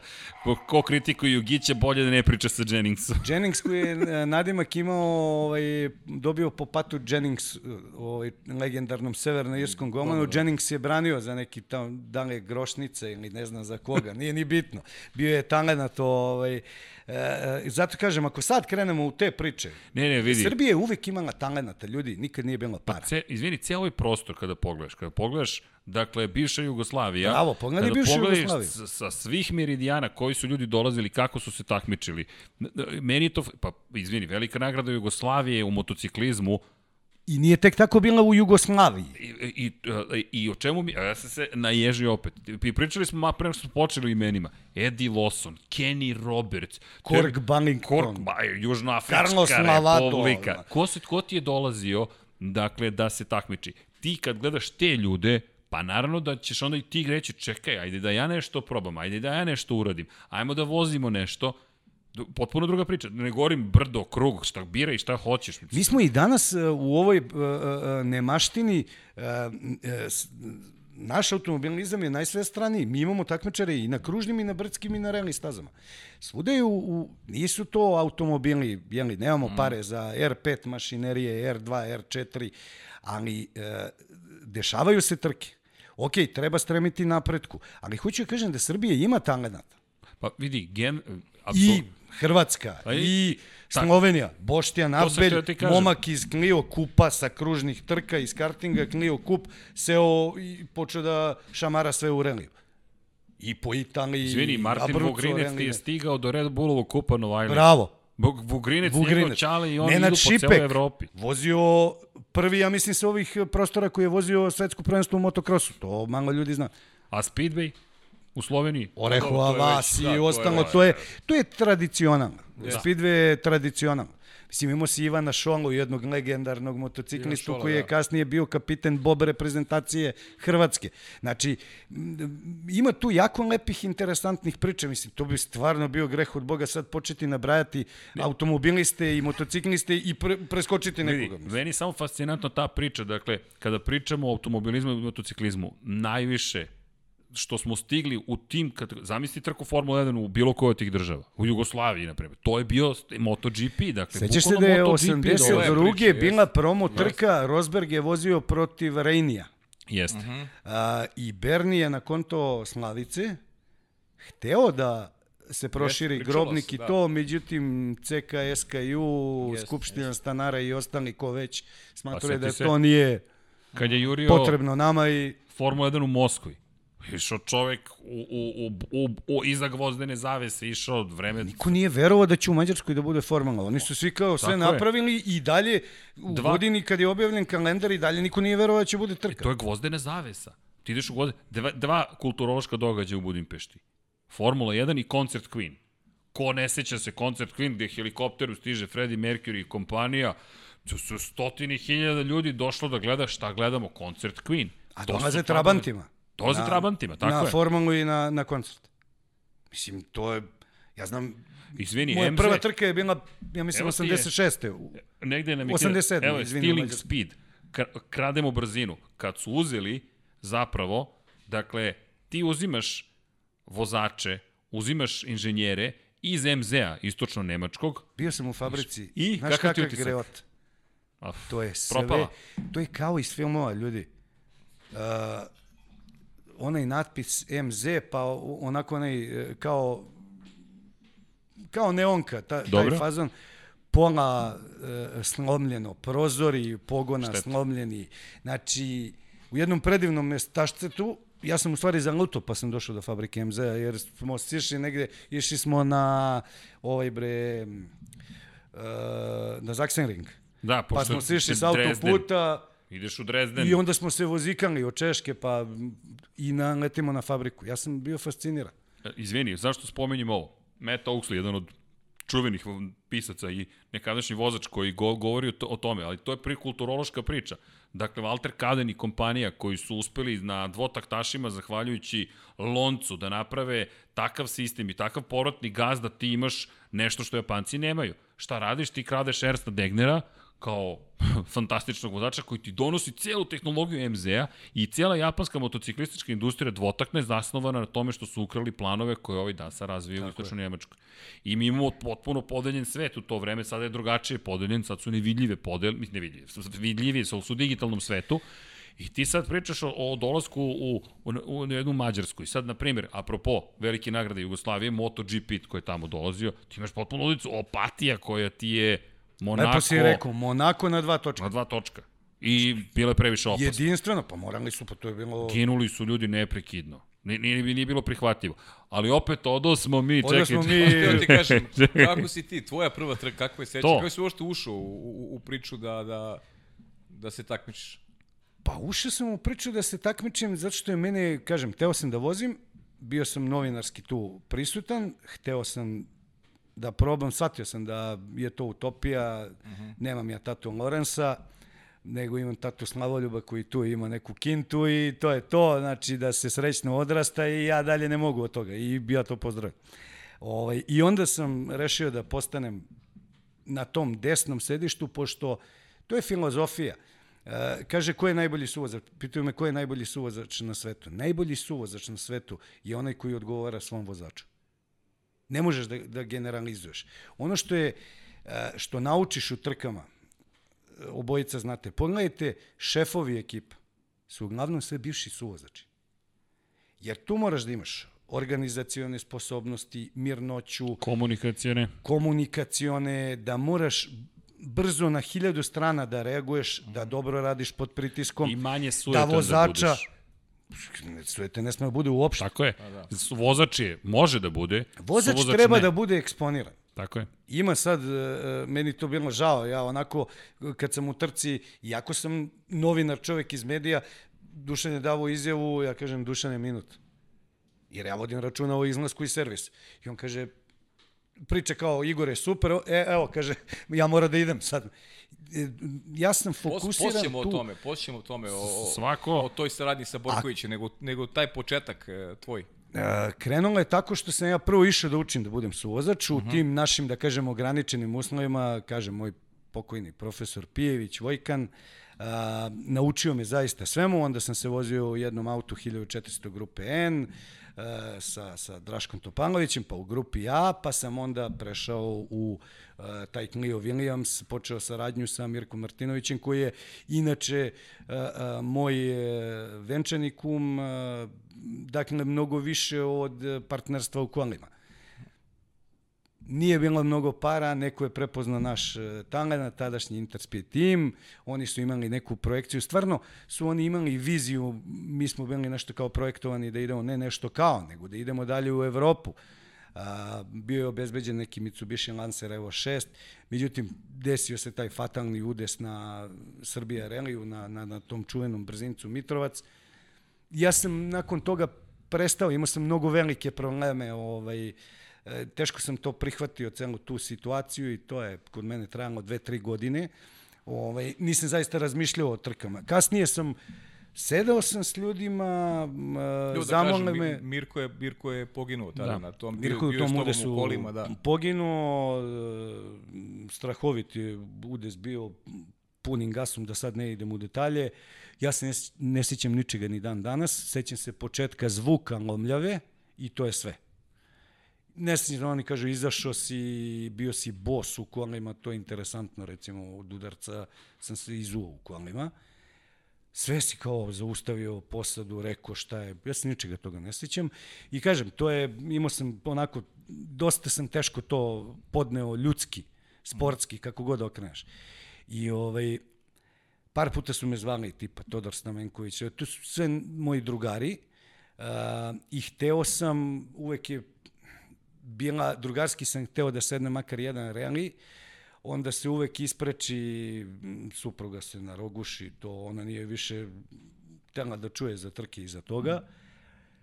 A, radio sam se klincima, zamala, aj stavi ovog, nauči, pokaže, on nemo što baš tako, to je ide godinama unazad, odnosno unapred učenje, pa nešto moraš sam.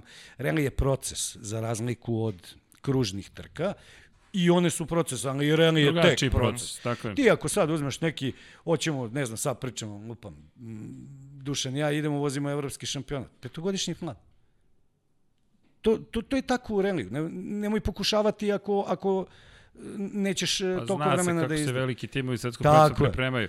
Oni odu, seća se, ko je otišao od timova, ne mogu setim koji je, idu da mere vlažnost vazduha, brzinu Tako vetra četiri meseca unapred. Pa onda dolaze nedelju dana unapred. Pa oni kupe, pa da vidimo razliku, pa da vidimo ponaš, pa ti sad skupljaš podatke, podatke, podatke, podatke i onda dođeš i kažeš, e, biramo ove gume. Hoćeš da ti bude pričam kako su. François Dancura hvatali u pick-upu sa molerskim merdevinama da trenira Monte Carlo. A to je to. I To je to. prijave ga. Pa, pa, Flavio Ovaj- Briatore i kompanija. Ne? Znaš, mislim, jer je to zabranjeno. Jer toga nema u realiju, da, da. Da, Da, da, kako da ne. Jer to Ovaj, samo I, Formula 1. I onda je došao, Dušan je rešio da, da, da posle svega toga se okrene Reliju, koji Borković, on, da, Dušan Borković. Dušan Borković. On je rešio da posle svega se okrene Reliju. On je vozio Reliju, on je vozio protiv Mika Hirvonena 2010. Hirvonen je bio šokiran koliko je on brz. U nekom Mitsubishiju gde Hirvonen je došao da testira za VRC koji se vozio te jedne godine u Bugarskoj. I ovaj, to je bilo guma, mi smo mogli samo da sanjamo, znaš, ono, znojimo se ko deca na čokoladu kad vidimo one gume, a Dušan dođe kao ovaj Hirvana menja gume, Dušan kaže, da, okreni mi, kaže, samo kontrasmer te iste gume. o, baš ga je hvalio, Hirvana, kaže, izuzetno brz. Ovaj, To je to prošle godine ti zvao, tako? To, Prošle godine za Srbije Rally. Da, Srbije jer je on rešio da, da proba na Srbije Rallyu, da se okrene e, potpuno Rallyu, da se vozi prvo evropski rally trofej, pa jednog dana da se krene u, u, u, evropski šampionat. Međutim, ok, odvezli smo taj Srbija I ti to voziš posle 16 godina, prvi put ulaziš u kola. Posle 16 godina sam prvi put seo u trkački auto. To su dva različita sporta. To, kad sam ja izašao iz Prvi tog put, da. Williamsa, završiš brzinac, skineš, baciš kacigu, tad sam pušio to, zaprndecam cigaru i to onda priča ovo, ono, nemamo ni one komunikacije, dernja se onaj motor, ništa, kak i to pritisci malo, to nešto, ovo, ovo se živ naradiš, znači, prvo ne možeš baciš kacigu, jer dok skineš Hans, dok skineš kacigu, pa onda on dok to uradi, pa izađeš pa otvoriš gepek, pa stavljaš u gepek, pa, mislim, tehnologija automobilni daje. Ne, seća, znači, da, seća si da si se pripremao, da si trenirao za... A, ovi su mi se smijali, kaže, šta je, kriza srednjih godina, a? Šta je, neće cice, pa sad kao, kažem, ljudi nije majke mi, znači rekli su mi ljudi da su G silne ludačke, i stvarno su G silne ludačke, seli smo na test. Ja kao, ma ne treba mi Hans. Prvi put, da ne bi ubio sad mikrofon, kad je zakočio prvi put, meni oči na lastiš ispane glava ovako, odmah sileđika ovde ovako po, potamnelo od onih pojaseva, jer su uski pojasevi za Hans, nema više onih širokih. I on kaže, ja moguće, kaže, da nisi stavio Hans. Ja kažem, nisam, zaboravio sam. Ja kao, ma ne treba mi, kao šta je, staza kilometar i po test. Pred reli. Kakvi ne treba, stani, stavim Hans. Katastrofa. E, izvini, ali to je sad, da se samo da iskoristimo priliku, jer često se priča Fetelova prvo iskustvo sa Formulom 1, kad mu je isto tako potonula glava na kočenju. Samo i šta vežbaju. I to mi je zanimljivo. Znaš ko je pričao o Šumacheru kad su bili u teretani sa Šumacherom? Dakle, nisam imao pojma, ali govori se o, o, o Mick Duan je čak vežba. Simon Krejfar i Mick Duan su trenirali sa Šumacherom, našli se zajedno u teretani. Krejfara. E, Sad je, ej, sad je reporter Znam, u Dorni, ali kažem. Krejfar je imao neki intervju sa, sa, sa Duanom i Duan, pazi, Mick Duan, gde, gde svi pričamo o tome koliko se danas trenira. Samo zato što Duan nije ni pričao, nego se podrazumevalo, pa naravno da sam u teretani. Dolazi Šumahir i sad kako to, kako to, pokušat ću da malo imitiram Duana. Kaže Duan, da, da, on je imao čudne treninge, trenirao vrat čovek. Šta treniraš? Treniraš vrat. vrat. I on je imao posebne Šumahira, imao treninge. Kaže, jeste bio posvećen, nema šta, ali šta ih je e, fasciniralo kod Šumahira? Šumahir je jedini na biciklu mogao da ih prati. I ne da samo da ih prati, nego da drži tempo sa njima. Pošto svi popadaju, sad se priča to Aleš Espargaro, Jorge Lorenzo, kultura vožnje bicikla. Duan je vozio bicikl. Jer 500-tice, ko je video Molim NSR što bi ti 500, rekao. ko je video ono 500, uživo, Ono, ono, skolomotiju. ti se držiš i moliš se da ćeš ostati na tom motociklu i onda dođe jedan Schumacher koji je uveo u Formulu 1 potpuno novi pristup. Tu zato Montoya nije uspeo. Kako, kako da uspe? Pa ispod stomak Kad onom idemo Williamsu pizza, idemo i ovo, nećemo idemo da ono. vežbamo. I onda dođe Šumi, šta vežba? Vrat. Brate. Uh, Borković svakodnevno vežba. Ja moram da kažem da ovako kako, kako je stana sad ova priča oko tog angažovanja, morat ću sad da počnemo u septembra jer A čekaj, u ne, ne je vidite se Srbija, uopšte. jeli- A sam, ne, a sam mi kaže ovo, ili, ili se nastavlja ta saradnja? Ko, ko je sad to? E, u planu je, vidi, COVID-19 i sve smo rekli, ništa se ne zna. E, postoji Dobro, ali neki... hoćeš, hoćeš i E, dalje. Ja hoću, da, dobio sam amin od žene, Ovaj, E, to je važno, to je važno. Nije razgovarala sa mnom. Disciplinska komisija. vreme, dobro. Nije, nije, nije, nije razgovarala pred prošlogodišnji ovaj, Srbija Rally i ovaj, onda je došao moj sin i rekao, Keo, ako će mu se nešto desi, sad će mu padne ova saksija na glavu s ovom i, ka, i kebanom, verovatno od Botasa, i ubiće ga. I ona je nekako to progutala i onda je najjače bila ovaj, e, Andrijana Borković koja je sve vreme onako slala joj poruke gotov brzinac, ovo. na kraju kaže je gotovo kao pobedili su On nije uopšte konstatovano da smo mi pobedili. Na, tek posle kad smo se čuli, kao, a, pobedili ste, kao, super. Kad ćeš kući? Pa to nije ni bitno, bitno. Pa to je priča, Kad ćeš to je. kući? Znaš Kad ko je ćeš to kući? priča? Kad sam radio s Ninoslavom Mitićem još. I, i, i, i, i čuvena priča zašto dižu ruke motociklisti kad, se, kad, kad, kad padnu. Da roditelji znaju da je to okej. Tako Ne je. kažem, a kako crno mahanje publici? Mak nema, baš me briga za publiku. Je Ruka, Keva- samo ona gleda, žena nije joj dobro. A ima Ove- plan za nešto više od, od tog domaćeg relija? A, Ili bi učestvovao u tome? Bi se pojavio negde i bi izašao izvan okvira Srbije da se takmičite negde? pa vidi, a, taj, mi vozimo u Srbiji zato što je to rally za evropski rally trofej, mi ne vozimo domaći šampionat. Mi smo imali plan, trebali smo da vozimo sve u okruženju ove godine. Nismo uopšte trebali da vozimo domaći šampionat. Jer bi to, taj evropski rally trofej je stepenice ispod evropskog šampionata. Mi smo trebali faktički da učimo staze i, i, i postavke tog automobila Škoda R5 Fabija, ovaj, da bi se spremali za evropski šampionat. Sad je sve to, mislim, uh, u planu je taj Srbija rally, ako ga u stvari bude. Pa to niko ne zna. To da. niko ne zna. To, niko ne to zna. više Evo, ne zavisi od trke nas. motora, MotoGP pod znakom su pitanja u Španiji. Jel, Ne zato definitivno ne- jesu, jel tako? pod znakom su Pa pitanja. da, da, da, da, pa vidiš da je Zakon formula, je- vidi, formula je na mala vrata. Jedva. Samo da, zato da. što je o, o sad ovaj vikend, da je sledeći. Pitanje je šta bi bilo. Pitanje je veliko šta bi bilo, znaš. Znaš, po, niko ne zna ništa od toga. Tako je, apsolutno niko ništa ne može ti E, kaže. ali, izvini, za, za, evo na jedno, jedno pitanje. Sticajem okolnosti slučajnih zna. Znaš ko je najmlađi pobednik u istoriji evropskog šampionata u reliju? Pazi, ovo nemoguće pitanje. Najmlađi pobednik je Songbergov sin. Tako je. Oliver. Tako je, Oli. Oli. Nemoj me ureli, tu sam najjači. Vidi, ali, da, da, ali sam te natera se zamisliš. Malo, malo, da. A, z- e, znaš ko je isto jako mlad? Nađite negde možda ima podatak. E, Henrik e, Lundgaard. Aha. Čale od, od, da, od, od Kristijana, od Kristijana. Od 2000. je bio šampion 2000. Evrope u šampion, da. reliju. Ne znam s koliko godina, nije s toliko malo, ali... Ovo je sa bilo 17 nešto- pobedio u Letoniji prošle godine. Da, da, pobedio je, Oli i ovaj- bio treći u Rimu sada. Ali oni su kao porodica show E, program. mi smo ih upoznali. Oni su show program, putujući cirkus. Tako, znaš da smo ih upoznali u, u Barceloni na trci MotoGP-a? Ja sam ih upoznao u Tožbiju. To je... Uh, Jesu zajedno svi bili. Mama, sin, A Pernila Ćale. je odande. Tako je. Uh, to je, To je, šta, supruga. supruga. Uh, Koja isto vozi. I ona vozi. Da. to su Šampionka. Skroz. Ne, nema ko ne vozi, Pajo.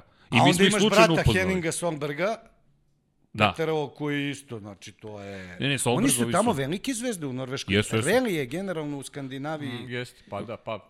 Znaš gde su bili? U Teh 3. Svuda, Finska, Švedska, Norveška. Monster Tech 3 i oni su gosti. Ali oni uživaju veliki respekt i tako i treba bude poštovanje svugde, znaš, dolaze i svi smo ovako, Solbergovi.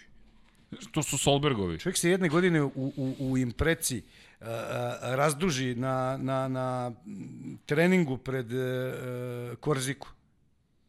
Spakuju mu auto u petak noći. Ovi naklepaju sve to, okrpe ona čuvena, što ne drži krokodil traka, baci u đubre. Naskar. Ovaj, je, bravo. I čovjek pobedi. Na Korzici. Na Korzici. Na Gde- Korzici, tako, gde, znaš, Diablo Pitanje je, Canyon, da li ćeš- 10.000 krivina, tako je. Francuzi neprikosnoveni i tako dalje i tako dalje. E, Korzika San Remo meni, kad Možeš pogledaš... još jednom sa mnom, odnosno Pa obojica, vidimo morate obojica, vidite na vidimo. VRC. Hoćemo, I- hoćemo. Morate da, vidite pa na- Pričali smo ti ja to i ranije. VRC ti je sad ovaj najneizvesniji. A, vidi, Vidljivo su najmanje razlike. Pa dobro, kad, kad je Lebo rekao dovoljno, dovoljno, dovoljno ovih devet. I ne samo on. I ne samo on. Ali vidi, Ali vidi, dva vozača koja, e, e, mnogo je teško, e, dva različita sporta. Tu je veličina Sebastijana Gleba. Hoćeš vozimo rally, nema problema. Hoćeš teramo trke, ove kružne, koje Kružne, god. šta? Izdržljivosti, šta? Izdržljivost, nema problema. Šporše super kup. Ok, nema problema. Čovjek vozio je hitnu pomoć. Mislim, Tako je počeo. Čovjek je prvo gimnastičar, bio ono, da. ne znam, prva Kanzasa, one pokrajine tamo. Interesantno, svi dobri vozači uglavnom dolaze iz tog Kanzasa, Ivan Miller i mm. mnogo ih je tamo u, u toj, to je granica sa Nemačkom. Mm -hmm. Ovaj, onda, pa jedne godine su pravili reli, e, francuski reli da prođe bukvalno pored Loebove kuće. To je eto, kakav je omaž bio čoveku, znaš. Ovaj, Zasluženo. E, tu sam, je, jedna od stvari zašto sam ja seo, aj sad, da ode malo u drugu stranu, ja sam poznavao i Dušanovog pokojnog oca i Dušana od kad je bio mali. -huh. pošto je on bio mali sa od 1,85 m. Ovaj, sad ima 2,07. On, dečko, krug reli, ista priča. Hoćeš ovo, hoćeš ono. Nema problema, šta već da vozimo. Znači, perfektno mlada kolega. Znači, zato kažem, ne samo on, imaš ti, sad se u TCR Istočna Evropa, on, uh, uh, Mikica Vesnić, uh -huh. Veliki naš vozač, i Nemanja Milovanović, jedan iz mlađe gard, iz mlađe gard. Mi u TCR-u Istočna Evropa, mi gospodarimo. Vidi, imaš i, i, i, ajmo ovako, to često spomenjemo, dosta je velika razlika između tih takmičenja i jednoseda. Dakle, jednosedi su... Turing je potpuno druga priča. Različite stvari. Zašto spominjem? Spominjem iz te perspektive. Prvo iz per perspektive. Tako je. Bukvalno. Spatosa. Drljaš uh, gluteusom. Tako je. Ti sediš, i... ti si ispod stola, bukvalno. Tako je, ti Tako si ispod stola. stola. Ali samo A da... A ti ovako. Jeste. Mm. Imaš, da napomenem, i Miloš Pavlović je ostao super trofeo. Pobeda i treće mesto. Da, da. da spomenem, da, super. aktivni su ljudi na sve strane. Dakle... Ima nas. Ima, uh, ok, Jovan Lazarević je vozio ovaj Porsche Super, Porsche Super Cup, Uzo je uh, pauzu ove godine, mnogo je to Jest. skupo, da se mm. nalažemo za, za, za, za, za te privatne poduhvate, a mi imaš uh, tog Vukova malo koji je bio šampion u hibridu ovde, evo ga, deseti je bio na, na, na, na jednoj trci tamo. Fantazija. Nije uopšte Fantazija. zezanje, znači ozbiljne mi vozače imamo i ozbiljne a, a, predispozicije na ovom podneblju, ne pričam samo o Srbiji, da se ne ponavljam kada je mi ceo ovaj region, ali nema šondi. Pa da. To je Dobro, klasik. čekaj, ali radimo na tome. Idemo mi, dosadni smo i kod Dorne i levo i desno biće. Znaš da ih gnjavim za skup ta, talenata severa, da napravimo ekipu. Evo, Evo, TCR Istočna evo, Evropa, to ti ta priča. Napravit ćemo ekipu, jedan od planova community ekipa. Šta to znači po uzoru na Green Bay? Ne, ne šalim se, pričao sam sa potpredsednikom Dorne. I on me čovjek zbunjeno gledao, čemu ti pričaš? Ja kažem, imamo smeta Green Bay model. Ne. Znaš šta je Green Bay model? Članska karta je zapravo učešće u klubu. U klubu. Jer nema para. Drugo, ne zaviše su od jednog velikog sponzora. Jer sponzor je ko sponzori. Ove godine sam ti dao pare, sledeće ti ne dam pare. Imam interes, a, nemam interes. Promenila mi se, došao novi direktor, menja, a, ja, sad ti dok ubediš novu Paris ekipu. Hemp. Pa, e, čekaj, to, to, to, to. Najjači sponzor na svetu. Čekaj, aj samo kratka, aj, kratka priča. Ekipu. Ajde, ajde, ajde, imate, imate, evo, 10 sekundi da pogodite ko je ovo i iz koje godine. Da onda ćemo vam saopštiti, dakle... Samo uh, vidi, da si prekrio... Piše da je za tebe. Da si prekrio broj... A dobro, mora ipak broj. Teško znaš, da bi... Ovaj, Kaciga se promenila. Skoro sve. Para Igor promenjen. Marković. Sve, i broj je promenjen. Pro, broj je isto promenjen. Za one koji, evo sad ćemo da vam kažemo, ne znaju, ovo je, prvo ovo je 125 kubika motocikl, to više 2011. ne vidim. 2011. godina. Maverick. Avintija by Paris Hilton. Avintija by Paris Hilton, koja je spasila tim. Često Tako se je. ismevaju iz Paris Hilton. Ne, ne, ne. Za mene, poštovanje će zaovek imati. Čekaj, Sa više da li si pa... ok, ne. isključivo profesionalni dvotočkaški. Pro, pro, samo profesionalno i pričam. Da, da, da. Uh, hvala ti. Da. e, to moram ti priznat, žao mi što to lansiranje motocikla nisam vidio i tu žurku kako su, kako Za su sebe pravili. sam zadržao... Dovešćemo je, dovešćemo u podcast Paris. Tako je, za studio, ima razloga. E, ali onda ne odajte adresu studija nikako. To će da bude... I ti si navijač, da. Da, biće gospođo Kišobran, izvinite. dakle... Ajde, ispričaj, ispričaj. Kako se ovo desilo? Čekaj, pa, Maverick, 10 godina. Desilo se tako godina. što je, ovaj, e, kažem, ja sam od 2000 prve godine sa pokojnim Mirkom Angvirovićem, Dušan Tešić, Mečka i, nažalost, mnogo sam mator, pa su velika većina pokojni, Mladen Angvirović, naravno, profesor Lakićević i tako dalje. Napravili smo tu sat reviju koja se razvijala. Ja sam uvijek bio zadužen za sport, naravno. Ovaj, I u jednom trenutku je došla a, a, pod revija, da tako kažem, a, dva točka. Gde sam ja mogu da se raspišem o Superbajku, motokrosu i tako dalje i tako dalje, naravno MotoGP-u.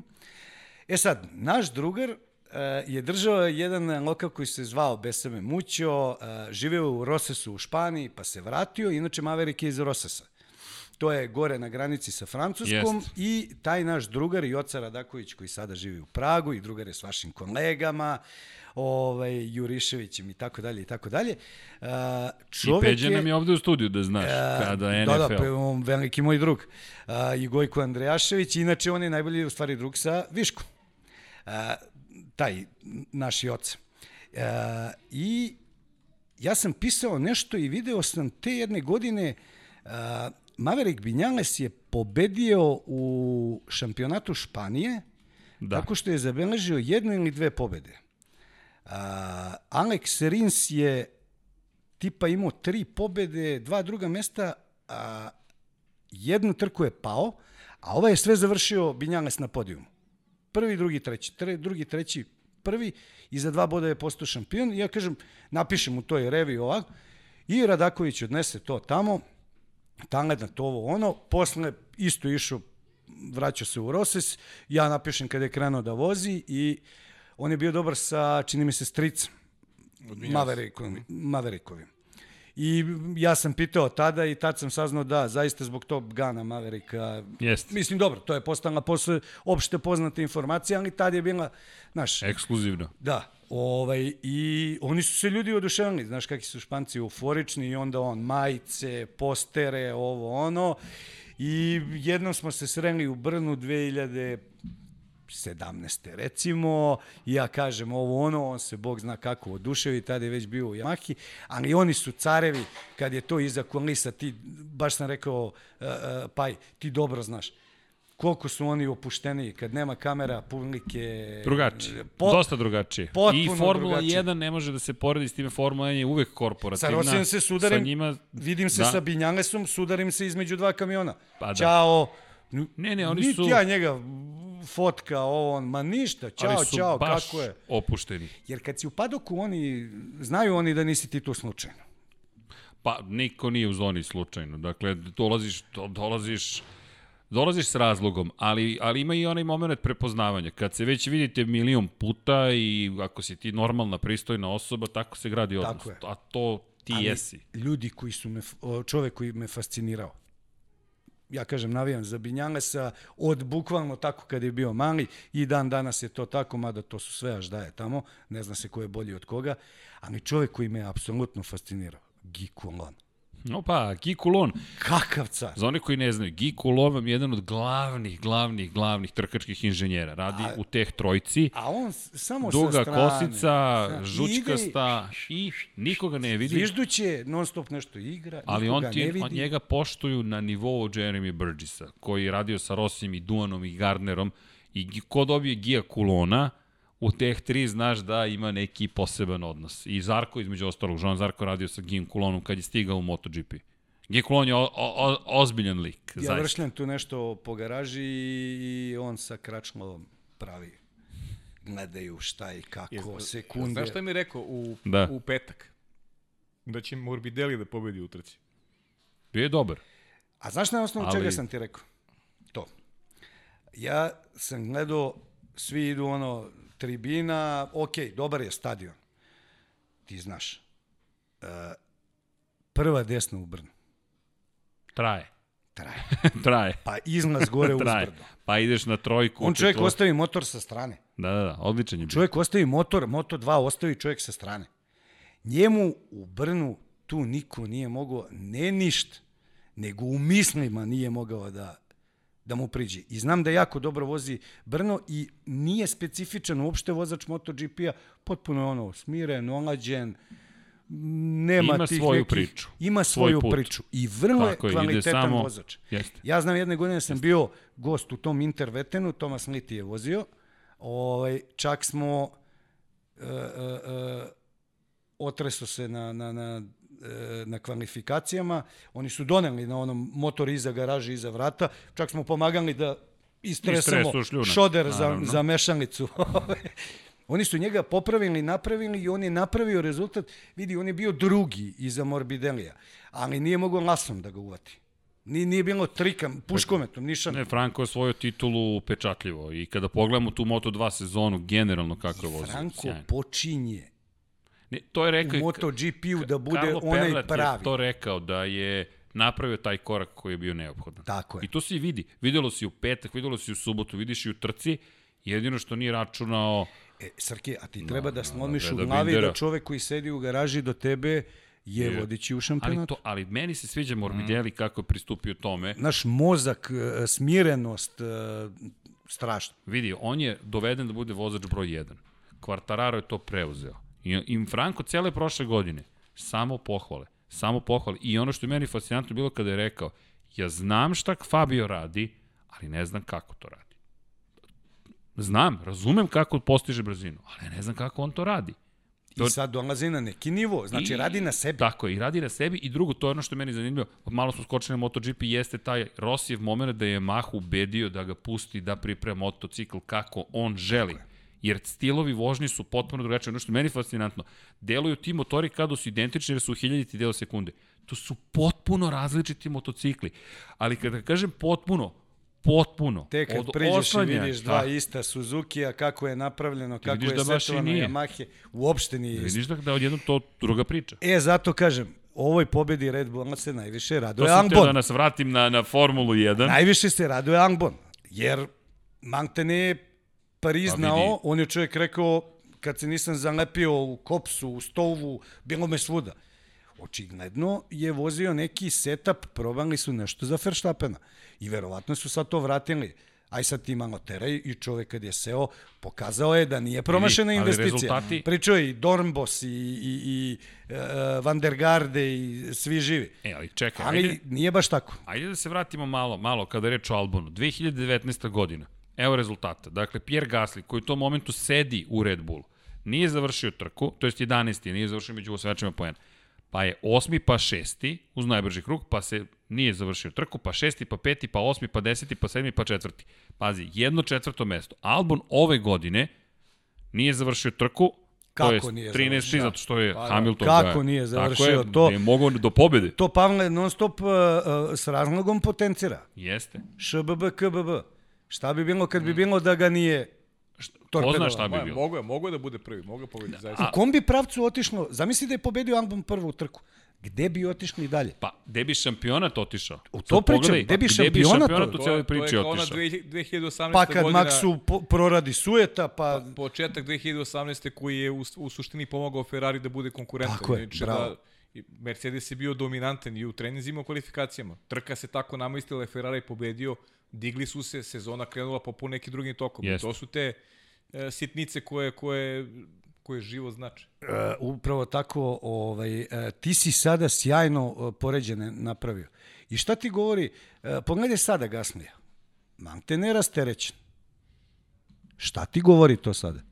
Da Red Bull jede svoju decu. Jede. Pa, ali to, to je ono što Jede- Pavle jede govori. svoju E sad, ako si pravi, sad ćemo da vidimo da li je Albon taj Pazi, pravi koji će pazi. da iznese taj Činjenica, pritisak. činjenica da jede svoju decu, ali isto tako Red Bull pravi i dobre stvari. Ne, ne, sjajne stvari. Red, Red, Bull, Red Bull te definiše. Ili jesi Da li ili si nisi. za ovo ili nisi Šta kaže? TikTok? Krivo mu. E, bravo. Što su me izbacili? Tako je, što pa su me- izbade, zato a onda, si onda normalan. ovaj se zaleće udara u njih e, i ko na Zato onaj normalan, ti autići u Luna parku. Tako pa zašto nisi ceo, dečko, zato su te izbacili. Jest, A jest. da, ali, ali, ali, ali da se vratimo i na to, sudar kultura. Koja Bravo. kultura kome odgovara? Eto, to možeš i kod motocikla da vidiš i kod automobila, gde god, u formi. Dakle, sedneš u jednu ekipu i nemate nigde. Ti si izgubljen čovek, jednostavno drugačiji se vrši pritisak, drugačije su procedure. To je ono što smo pričali.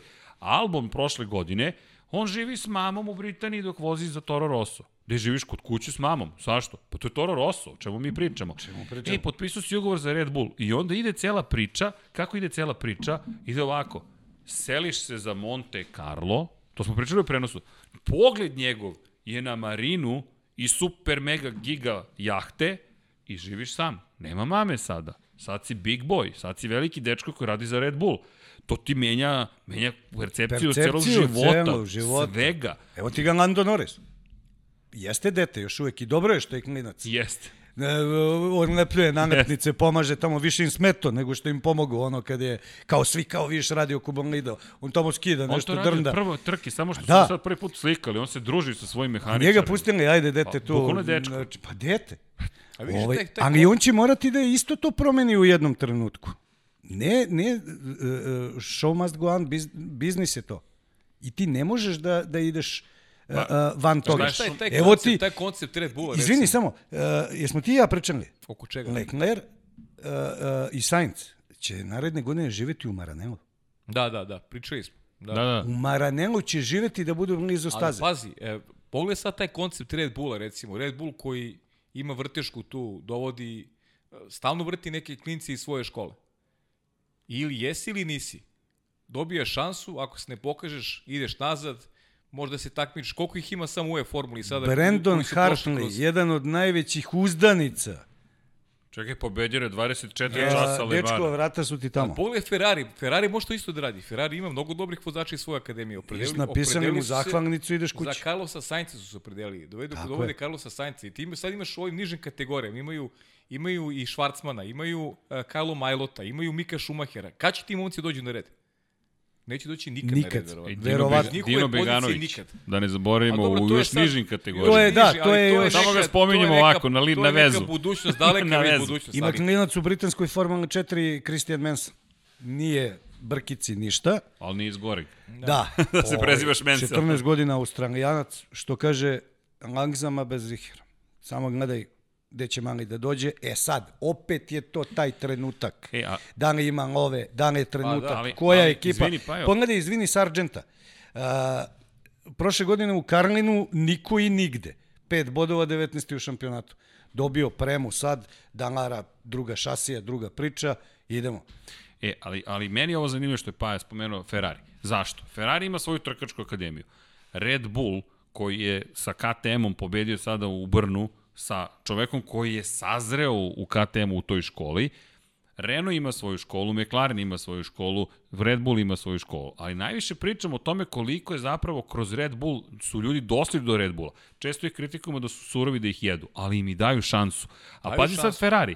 Ferrari ti je u momentu kada možeš da biraš da li Vettelu da se pridruži Niko Hulkenberg, na primjer, ti biraš Kimija i Konene. Vraćaš se u neku svoju istoriju. Ok, svi volimo Kimija, pa to je jednostavno, to nekako prihvatiš na keca. Ali ne dovodiš mladu nadu.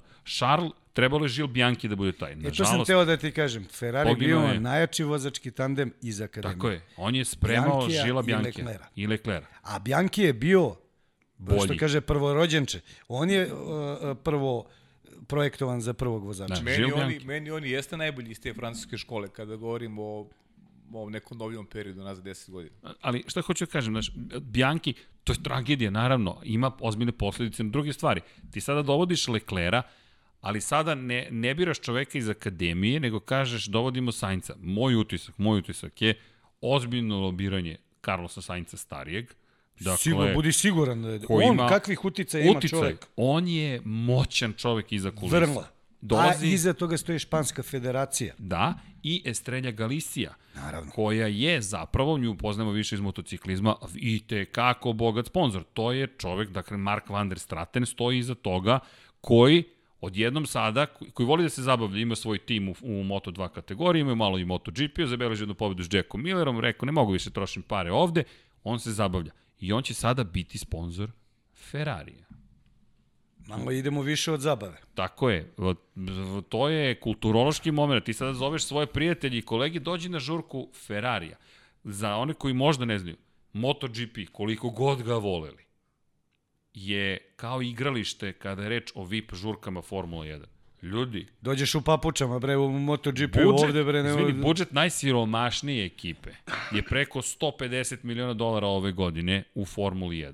Sa 150 miliona u MotoGP-u ti dođeš i zauzmeš celu zonu, ceo padok je tvoj. Kupiš sve. Kupiš sve.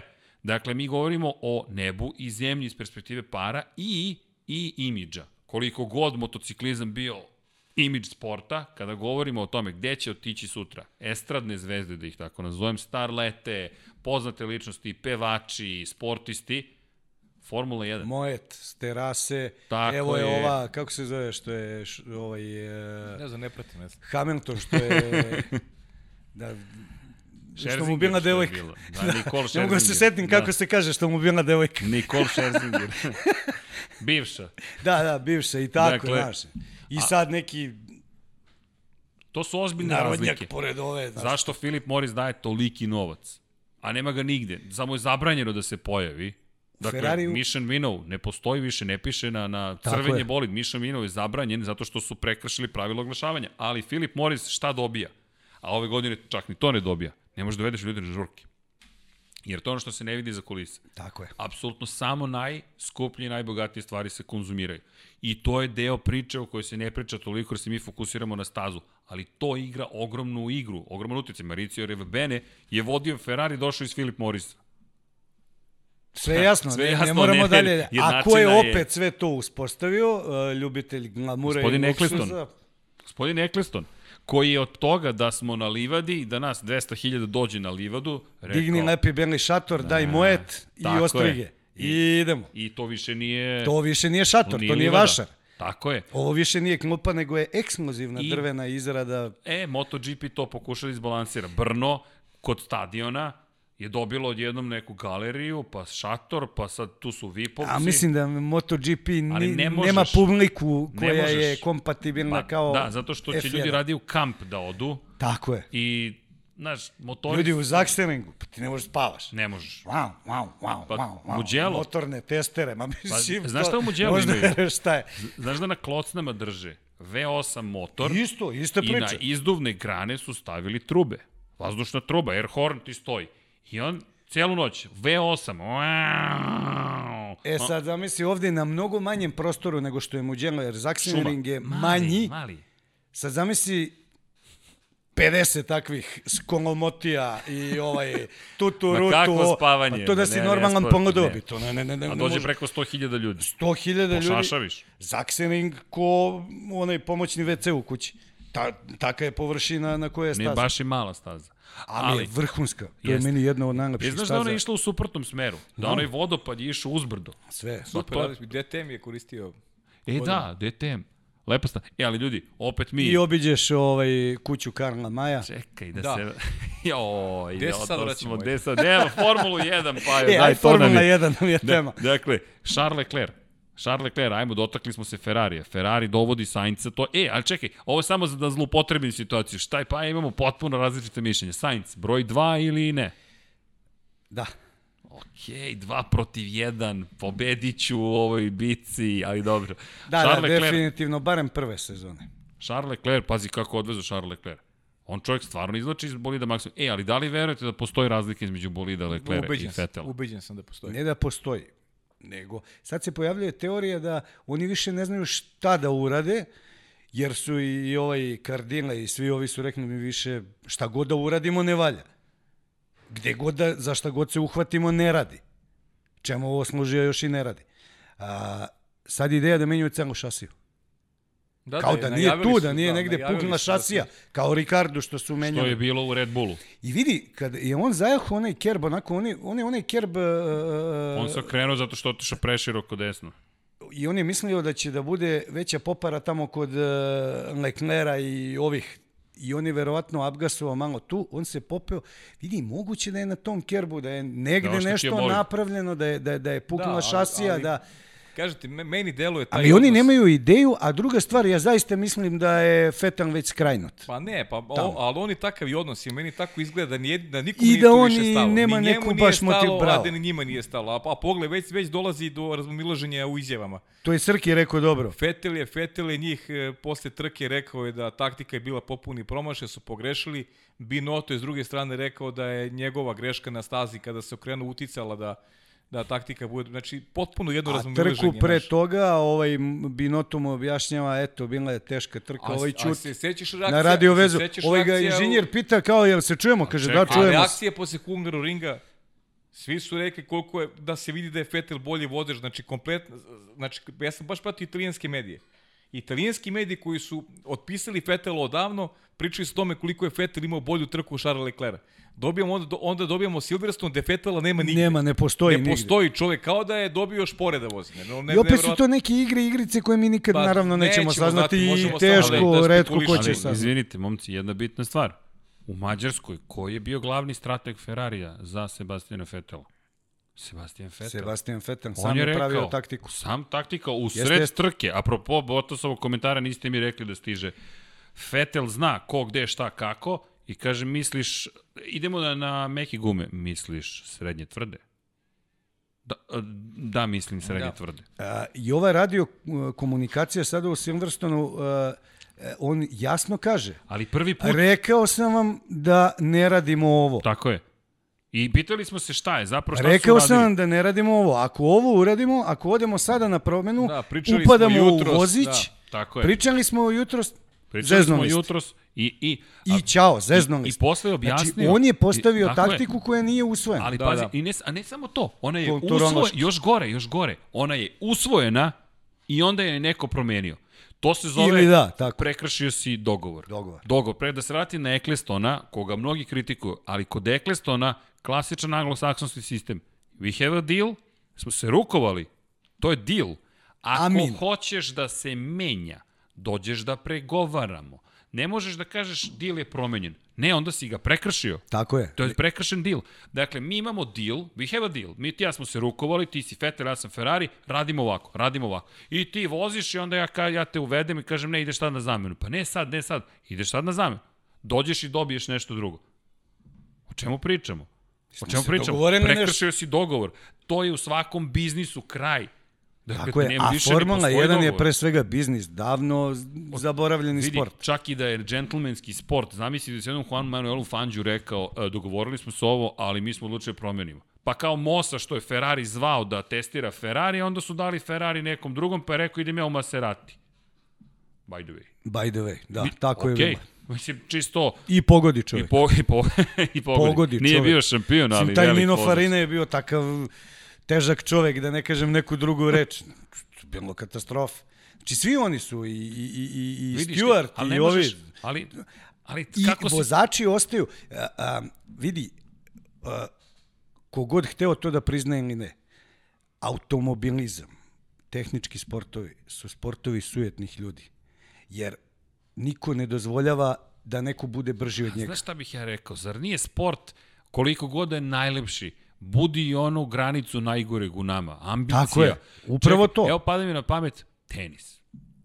Ko hoće tamo da dozvoli da Zamisli da, da ti, ti ćeš da budeš bolji od mene. Pa pazi to, S tim što u tehničkom sportu imaš ograničenje. Sad E, ti, ima. kaže, stavi uh, uh, Hamiltona u Ferrari ne bi pobeđivo. Misliš- Hamilton ne bi ni u Force Indy, recimo, pobedio. Ajde, možda bi u Force Indy, ali... dobro, Racing Pointu cenim da... Da, Da, da Racing Pointu. Uh, toliko je tehnika bitna da Ali- ali, ali- slabo ali- ti šta ali- možeš da uradiš. Nisi ti Ali mađioničar. Igore, kako se to zove? Ekipa. Ekipa. Ekipa, Timski o tome rad. pričamo. Mora cela ekipa da radi. To je ono što ti napominješ, Pavle. Sve to super, ali gde je ekipa? Jesi video ono e, što su davali opušteno pre, tr pre trku Verstappen i Youngbon, ovaj, neki razgovor sa medijima, bili su izrazito ovaj, e, opušteni i sad kao pitanje, pa kome je najteže? I kaže Verstappen, pa nama, kao nas dvojici, nama vozačima. U stvari, kaže mehaničarima kad e, kreten uvati i zabije bolid u zid 20 minuta pre trke. A onda Albon kaže, ili kaže spakuje na free practice-u dva u, u, u zid od guma svoj bolid. Znaš? Pa- I on, oni su žive zajedno kao Kako ekipa, žive? Pa šale naravno. se. Znači Pa vidiš, vidiš tu pozitivnu hemiju, pazi u Ferrariju. Mislim, nis, Ali niko ni sa kim ne priča. E, zatrovana atmosfera. Potpuno. Tu je teško raditi. Da, bilo šta da radiš, ako se ti ne osjećaš dobro kad dolaziš na posao, verujem da smo svi imali te faze, da idem ujutro na posao i pitam se šta ja radim ovde, zašto ja ovaj život živim, hoću nešto drugo. I sad koliko god mi romantično gledali Formulu 1 sa strane, dakle koliko god mi to gledali lepo sa strane, Sve samo nije romantika. ne, pogotovo za mehaničare, oni ljudi, momci rade do 3-4 ujutro, Čekaj, devojke Fetan koji takođe. ska, skače i, šrafi pedal box. Pa dobro, to sada to radi. Sad kad odlazi. Znam, to- ali vidi, uh, to se u formuli ne radi. Pa znam, ali to je... Mislim da je to Paju znaš, pravo, da je to su javna poruke, poruka, To su tako samo je. poruke, ništa više. Ovi ulice. nemaju pojma. Pa tako je. Pa ja, nije ja, do- ja nije do moram, mene, ja nije do moram mene. to da radim. Tako jer, je, daj nema Gedoro osmicu, ovaj, ne znam, beži, Jer pusti nema mi gas. ko drugi da radi. Vidi, on je slomio. atmosferu praviš, čovjek pravi kad ti kao individualac praviš atmosferu, evo ovde smo nas trojica, svako od nas treba da doprinos nekoj Tako atmosferi, razumiješ, potpuno je sad, Upravo tako. pomiriš neke sujete levo desno, svako od nas daje doprinos atmosferi. Tako je ista situacija i negde se ljudi uh, slože, negde ne, prosto postoje oni s kojima ne može da se složiš. A Ferrari je automatski napravljen loše atmosfere jer si ti imao dva tabora unapred pripremljena, znaš. Charles Leclerc imao već tabor ljudi koji ga je čekao tamo. Nije Charles Leclerc došao slučajno. I to sad Charles Leclerc je e, šampion i Formule 3 i Formule 2. Imao je svoju ekipu unutra. Vidjet ćemo kako će Carlos Sainz da se nađe u tom ambijentu. on, onda gledaj, onda Vettel uh, vrlo namerno urušava, da kažem, okay. taj imidž. A dobro. Jer gledaj, mi imamo momka, zove se uh, Mirko Milovanović, vozio nekad formalno u Campus Renault, vozio naše trke i sada razvija Megan TCR za Vuković Motorsport iza koje stoji fabrika Renault. I on je na nekom testu skočio, digne haubu, kaže ovi inženjeri, šta radiš to? Pa ti kaže, vozač sme da... Ne bre, kaže. Tako je. Ali vidi... Sad zamisli ali koji se vata za Gedoru. Ali Da, to su da. ti sad kulturološki momenti, još jedan.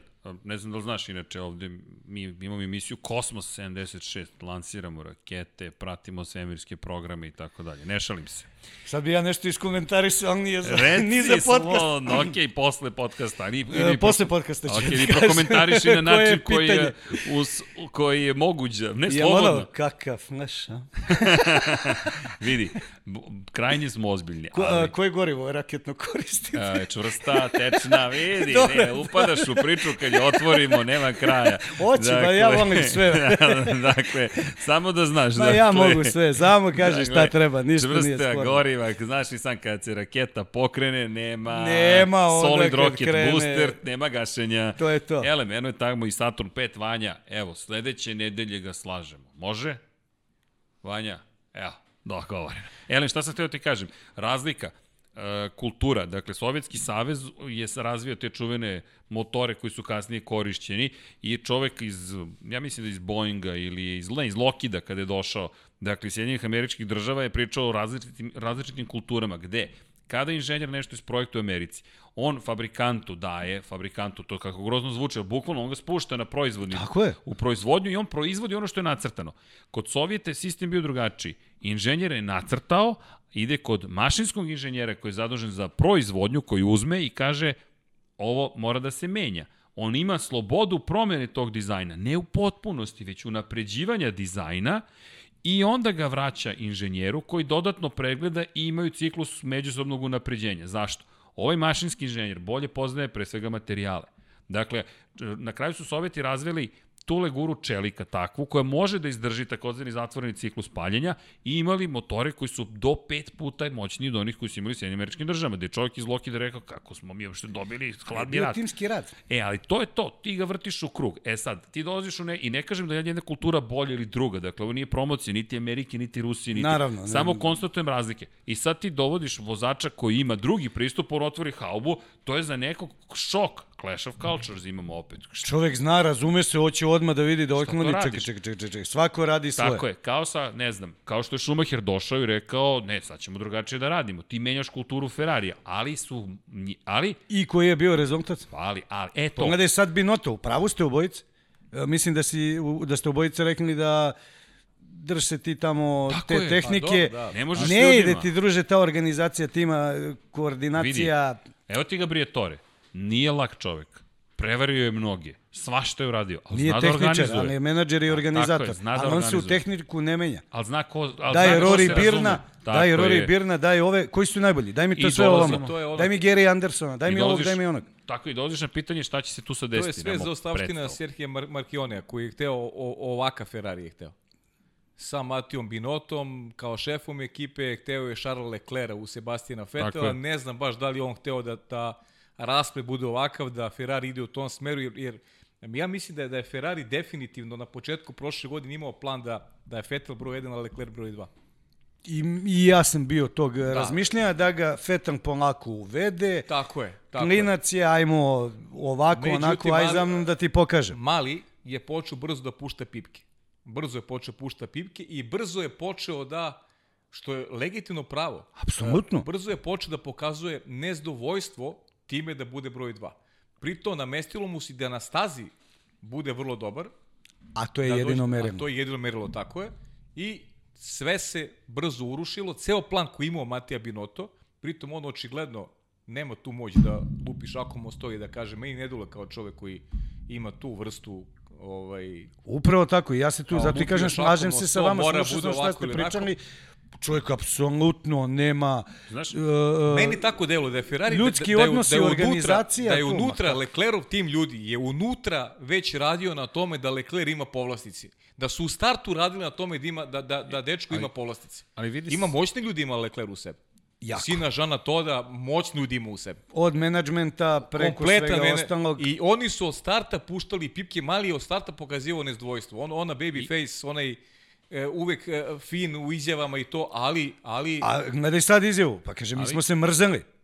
za, za Verstappena. Za Verstappena. Tako je. Šok On- izjava. tako Čekaj, je. ali sad me Mislim, vraća. realno, je. kaže, devet godina ali se mi mi se mrzimo. mrzimo. A kaže, je. bili su tu i Russell i ne znam ko je sve Jest, bio, sa njim se ali mrzeo. njih dvojica se mrze. E, ali zašto se mrze? Tako je. Zašto? Pa vide rivali jedan u Ah, drugom. pa naravno, naravno pa tako Ceo je, život. Pa To tako, tako je. ide, pa e, ali naravno. vidi, ali ima tu još jedna stvar. A, a, samo apropo cele ove priče. Organizacijono, m- moje mišljenje, da je Red Bull pokazao kako se organizacijono pobeđuje sad u Silverstonu. Mada ja se i dalje vraćam to- na to da ni, ni oni Ne, ne. ni jednim delom ni 10% ne znaju kako se to desilo. 10% da, Pa ali, dobro. ali, ali mislim da Ali su... su preduzeli ali- sve za ovih 90%. E, to je e, ali, to, e, ali vidi, sad me vra... ali samo, samo, samo, Čekaj, ajde, vratit taktika, ćemo. izbor taktike prvo Ali- ali, u dva deo kvalifikacije. Hard. Ali, tako je, Ti hard. da ne izađeš u drugi pokušaj, da si toliko uveren. Tako je. Ali vidi, ja mislim da je to opet pokazatelj organizacije. Kako? Tako je. dakle, evo ovako. Ti si dao šansu svom vozaču da kaže, ok, ovo je sada moja igranka. Jer se sećaš, pričali smo, inače pozdrav, bilo je jedno od pitanja, ne, ne, ne, sa Dekim sam pričao o tome, šta je Pep Guardiola objašnjavao? Thierry Henry je opisao njegov, ja se ne razumem toliko u futbol, ali obožavam pametni ljudi, preobjašnjavaju strategiju. Ako je ovo futbolski teren, samo ću kratko ponoviti, šta je Guardiola objasnio? Moje su dve trećine terena.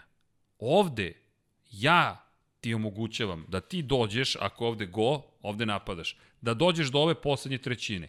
Tu imaš slobodu da radiš šta god hoćeš. Ovde si moj. I podeli teren ovako po pola i ovde na dve trećine i kaže, Henri je baš pričao, išao sam sa leve na desnu, sa leve na desnu, što Guardiola zabranjuje. Dao sam go, poveli smo na polu vremenu mi izveo.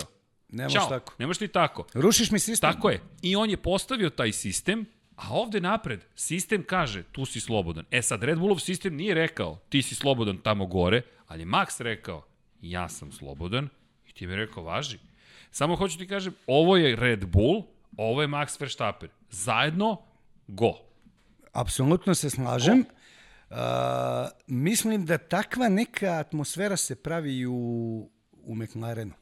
Da. Da je dobra priča u. McLarenu. Renault i dalje e, plaća debelu za ostavštinu tog svog e, e, ustrojstva timskog, pričali smo kulturološke razlike, Jeste. ovako, onako Ferrari, znači to je Mercedes kao Mercedes, jedna savršena germanska mašinerija.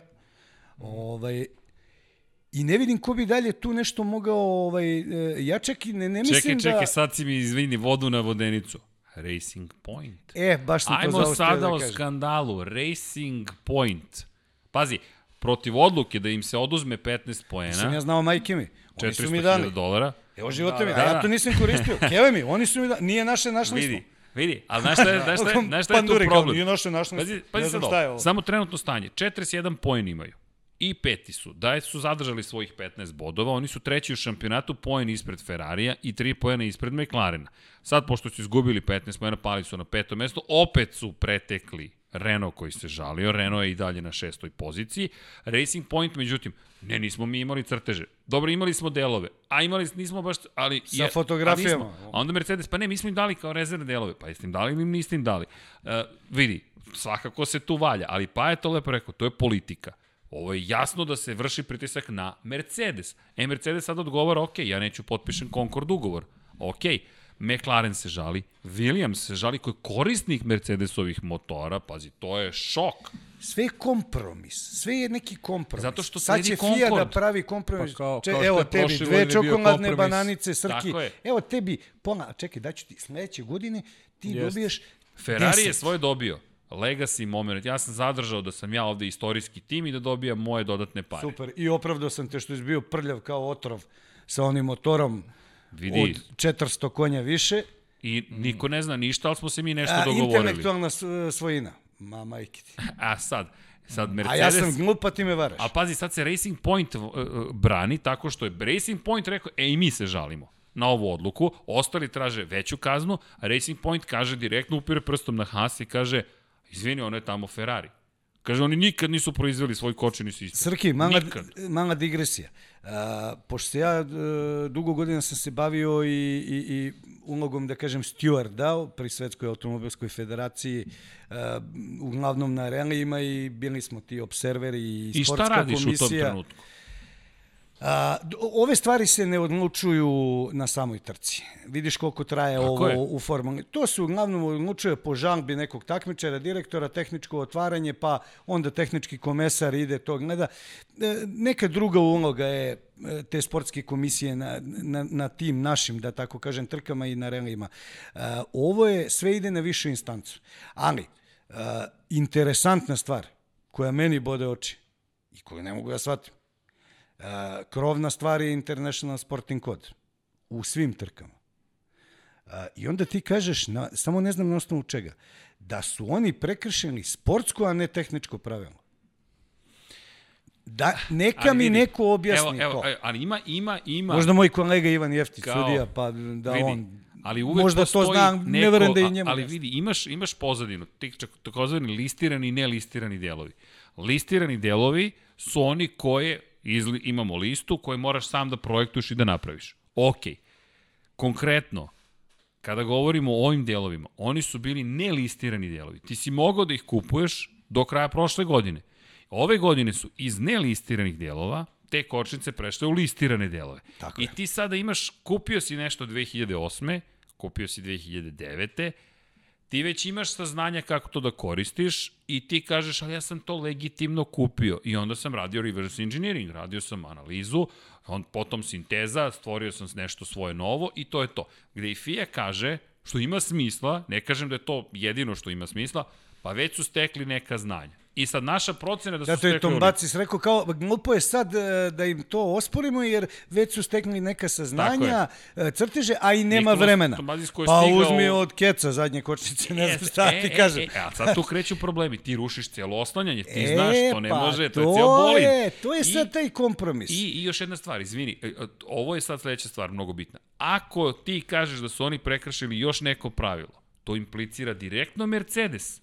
Tako je. To onda Mercedes mora takođe da odgovara u toj cijeloj priči. Šta je prvi Toto rekao kad su ga pitali? Ja ne vidim e, nikakvu umešanost Mercedesu u Tako ovo, je. mi smo čisti. On brine o sebi. Znači, Ali pustit će ih niz vodu. Ali ne može tek tako. A ne ali, možeš. Ali Lorenz Stroll nije mali igrač u celoj priči. Često se to zaboravlja. I još jedna stvar. Toto Wolff je direktno povezan sa Astonom Martinom, to je s Lorenzom Strollom. I ne samo na nivou upravljanja ekipom, nego i parama. E, to Izvini, sad sad, interes. sad se vraćamo na ono da Ola Kalenius ispred Daimlera Tako je. Kaže, Nije nismo sad- zadovoljni Tako Toto. Wolff. Vidi, to je javna poruka. Sad, zamisli šta se tu sve valja I ko za koga, I šta, ko za kako, i koga, koji interes koji pokušavaš tu da zaštitiš. Znaš ko je Semenka, izvukao? kikiriki, I, ovde, I se sećate onde. Adama Para, izvini, Adam neko od gledalaca kako ne, izvukao iz Williamsa. Adama Para, koji je na giljutinu otišao zato što se suprotstavio Berniju Eklestonu. Tako je. Jer su njega drugi timovi pikirali kao naslednika Bernija i kad je Ekleston saznao, "Pres- pripremate mog naslednika, čovjek nikad više nije ušao u padok Formule 1. Nikad. Adam Par je završio tu u. Williamsu karijeru i ćao. Završio je trajno njega, a, a, a, a izjava E, ovog čoveka ne puštate nikako. Bukvalno poternica, E, Demokratija. Ovog čoveka ne puštate nikako. Kod Bernija, čekaj, ti radiš Nema protiv mene u mom samo sportu. hijerarhije. Pa čekaj, pa ti nisi razumeo, to je ovako. Dakle, kod Bernija, pri čemu Berniju radilo u Formula 1 menadžetu pet zaposlenih s njimo. Sad ih je 165 od kad je Liberty Media preuzeo. Berni, tight ship, što kažu ovde, ovde je pet zaposlenih. I ja znam kad smo mi zvali, možemo, često nas pitaju što ne idete na stazu. Ljudi, čisto, evo ovako otvorit ćemo Patreon nalog n- i nije- pozivamo vas da nas podržite. Ne, ne, ne, vazi, ti Ajmo imaš Green Bay. prava, znači ti imaš prava, ti imaš sve. Ti kažeš ajmo, zoveš Formula 1 management, ko si ti? Nek se javi tvoj agent. A zatim, uh, poslaćemo vam ponudu. Za šta? Za sve. za dobar dan, dobro jutro. Hoćeš kameru da upališ, da je uneseš, da je prik... Ma kakav. Dorna s te strane za MotoGP je mnogo otvorenije. Mnogo je otvorenija Mnogo. zato što uh, I ima dalje mnogo više sport. Tako je. Ona i dalje razvija sport, a Tako ovo je. je. jedna zatvorena da kažem sek, sekta, Mašina. ne mašina. Mašina koja ovaj, štancuje Ja novac. znam kad šaljem u FIU pa logujem se tamo za Sve se zna. novinare, ovo ono, vidi, dečko, kvantaš. kvantaš, pa karting, pa Vidi, dođi tamo. I, I to je ok kada razumeš pravila igre. I sad u tim pravilima igre, zašto ih spominjemo, dolazi Lorenz Stroll koji ima svoja pravila igre i nije mali igrač, koji je pritom rekao, ako ovako nastavite, sledeće godine će možda ostati 14 bolida na stazi. Prvo sam mislio kako on misli sad, ako je skloni svoj Racing Point, ne, ne, ne, ne, neće on da skloni Racing Point.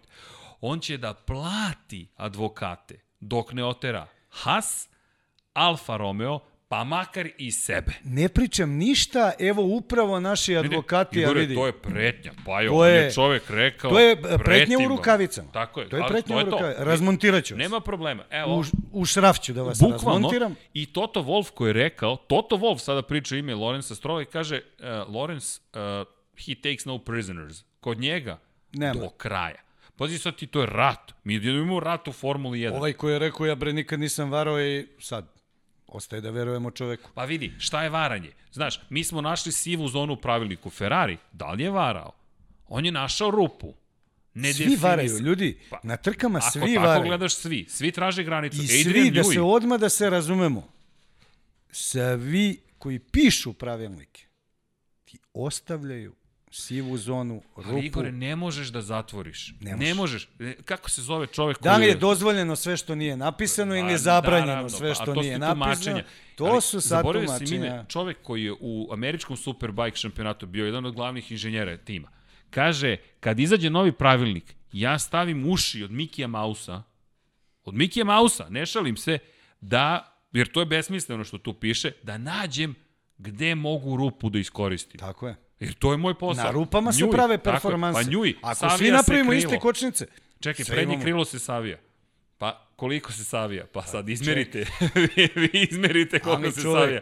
Ali, rapidograf, po, pravilnik, tako je, po pravilniku mi smo izdržali udar, izdržali smo, e, mi sad uvodimo novi test da bismo te a zaustavili. kad smo kod njuja, kako su ga odmah dočekali? E, prošlo vreme, Ćale kao završio je to, op, šta ćemo sad? šta ćemo sad? A zakrmce radi 3 cm, Nešto mi ne poručuju, zaboravite. 2.05, toliko trajimo. Pa, tek smo počeli, polako. E, baš sam prošli put rekao, m, Pavlu sam rekao, ovaj, toliko je bilo dobro, ja kažem, eto, ne mogu film da odgledam ništa, da, ceo podcast sam sa, sa Dekijem odgledao, jer nisam imao vremena ostale, vidim da je i Đankić bio i to, ovaj, kad budem imao vremena odgledat ću i onda mi je jasno kako, Kako dođeš do dva sata? e sad, da li je ovo dobro zezanje samo nama? e, pa, da, da. I on će kaže, neko ko gleda, kaže, vidi, Saznaćemo, vidi ovo, ovo trojice, šta prati pričaju ovaj. ovaj, prati i posle, pa vidjet ćemo. javit ću ti da, znaš. Moram da idem po ženu, po dete i, to pratit Ti ću, ističe vidjet ću. parking, pazi. Ne, ja nisam mogao to, ja nisam ni produžio. Pa, ovaj, ćemo ponovo, ajde. Mi znaš šta moramo da uradimo, izvini. Mi moramo pa se preselimo u studiju u plavu zonu. Tamo možeš ceo dan lepo da parkiraš. Da, stvarno da je mora da daj neku plavu zonu, naš, Nema ovo zelene, nije dovoljno nije tri sata kratko, viš, sat. kaže, kaže Pavle, ma ne bre, to ćemo kao za sat ja i po. da. Još me zovu neki ljudi kao hitno mi trebaš, važi za sat i po. Ali, Izvini, priča se o Formuli 1, o automobilizmu, o motociklizmu, pa to nema ko ne može da te opravda. nemoj samo o ženama, mi smo profesionalci. Ja, Taman posle, to ne priča. ja, Mi smo ti profesionalci. si uveo Paris Hilton u studiju, čisto da se mi razumemo. Tako Vidim da, sve vam loše, da nemate uši oko glave bi se smejali, ko hamburgeri. to je zbog Alonsovog. Da, e, da, Da, da, zbog mi smo Alonso. stigli da spomenemo, pazi, Alonso vozi i 500 milija Indianapolisa. Alonso se vraća u Formula 1. Jedno pitanje je bilo da malo izanaliziramo. Ljudi, kad da stignemo? Šta, kako tu da izvedemo? Nismo ni stigli da prođemo kroz celu ovu priču. O Alfa Tauriju nismo pričali. Opet, Red Bull, jel davo delove? Nije davo delove. O čemu se radi? Najbolje da nije. kažnjeni. A najbolje da nije. Ne, Znaš, Tu samo ovaj, mučeni Renault, on se bori sam sa sobom. jeste, Renault je nekako pajo tvoj projekat. Ja ga stvarno gledam Mada ja ne tvoj znam šta treba da čast. daju, recimo, Alfa Romeo. To je toliko Alfa Romeo ništa, Alfa Romeo... Ne, uh, gledaj, uh, da. ti si potencijirao nekoliko puta, čini mi se da si ti, a i ti si Na čemu, uh, da. pričao o tome, da je Magnussen rekao da bolid zapravo nije loš Hasa. Da, da. E, očigledno postoji razlika između Hasa, dizajnerski između Hasa i Amfe. Motor je motor, Da. ali Has ide, a Amfa, Alfa da je malo mesto. sporija, išao bi u rikverc. Znači, išao bi kontrakrug. Alfa Da, baš Alfa je lošiji od Williamsa ove godine, definitivno. Džabe, Kimi se Ma, lomi, ništa, ubija. Mislim, ljudi, e, ne stižete da ispratite te radio konverzacije. Šta čovek priča? Pa vidi, to mi je... ne možemo, zato što... Ne, ne, vi ne možete stignete. Znam, radio sam u vašim sam A, Mi čak to ni ne dobijamo. Da li znaš da mi to ni nemamo? Evo, obećavam, ja ću vam ovaj, Ali vidi, dojavljivati vidi, šta se pa dešava. imamo trikove razne, to smo naučili sad tokom e-sporca, tako da cenim da nam stižu ponovo Bluetooth slušalice ispod slušalica, Da, da. jer i vidi, rekao si moraš da se razvijaš, razvija se sportu, pa oni ljudi više nemaju volan, oni imaju komandni centar, Centar, na volanu, da. tako i Paja i ja. Koliko mi ekrana imamo, Pavle? Jedan glavni gde dobijamo sliku koju dobijamo sa staze. Zatim televizor da vidimo šta je u izlaz otišlo da bismo znali da li je sve ok ili nije ok, što nam daje ponekad mogućnost, pošto kasni par sekundi da vidimo ponovo nešto.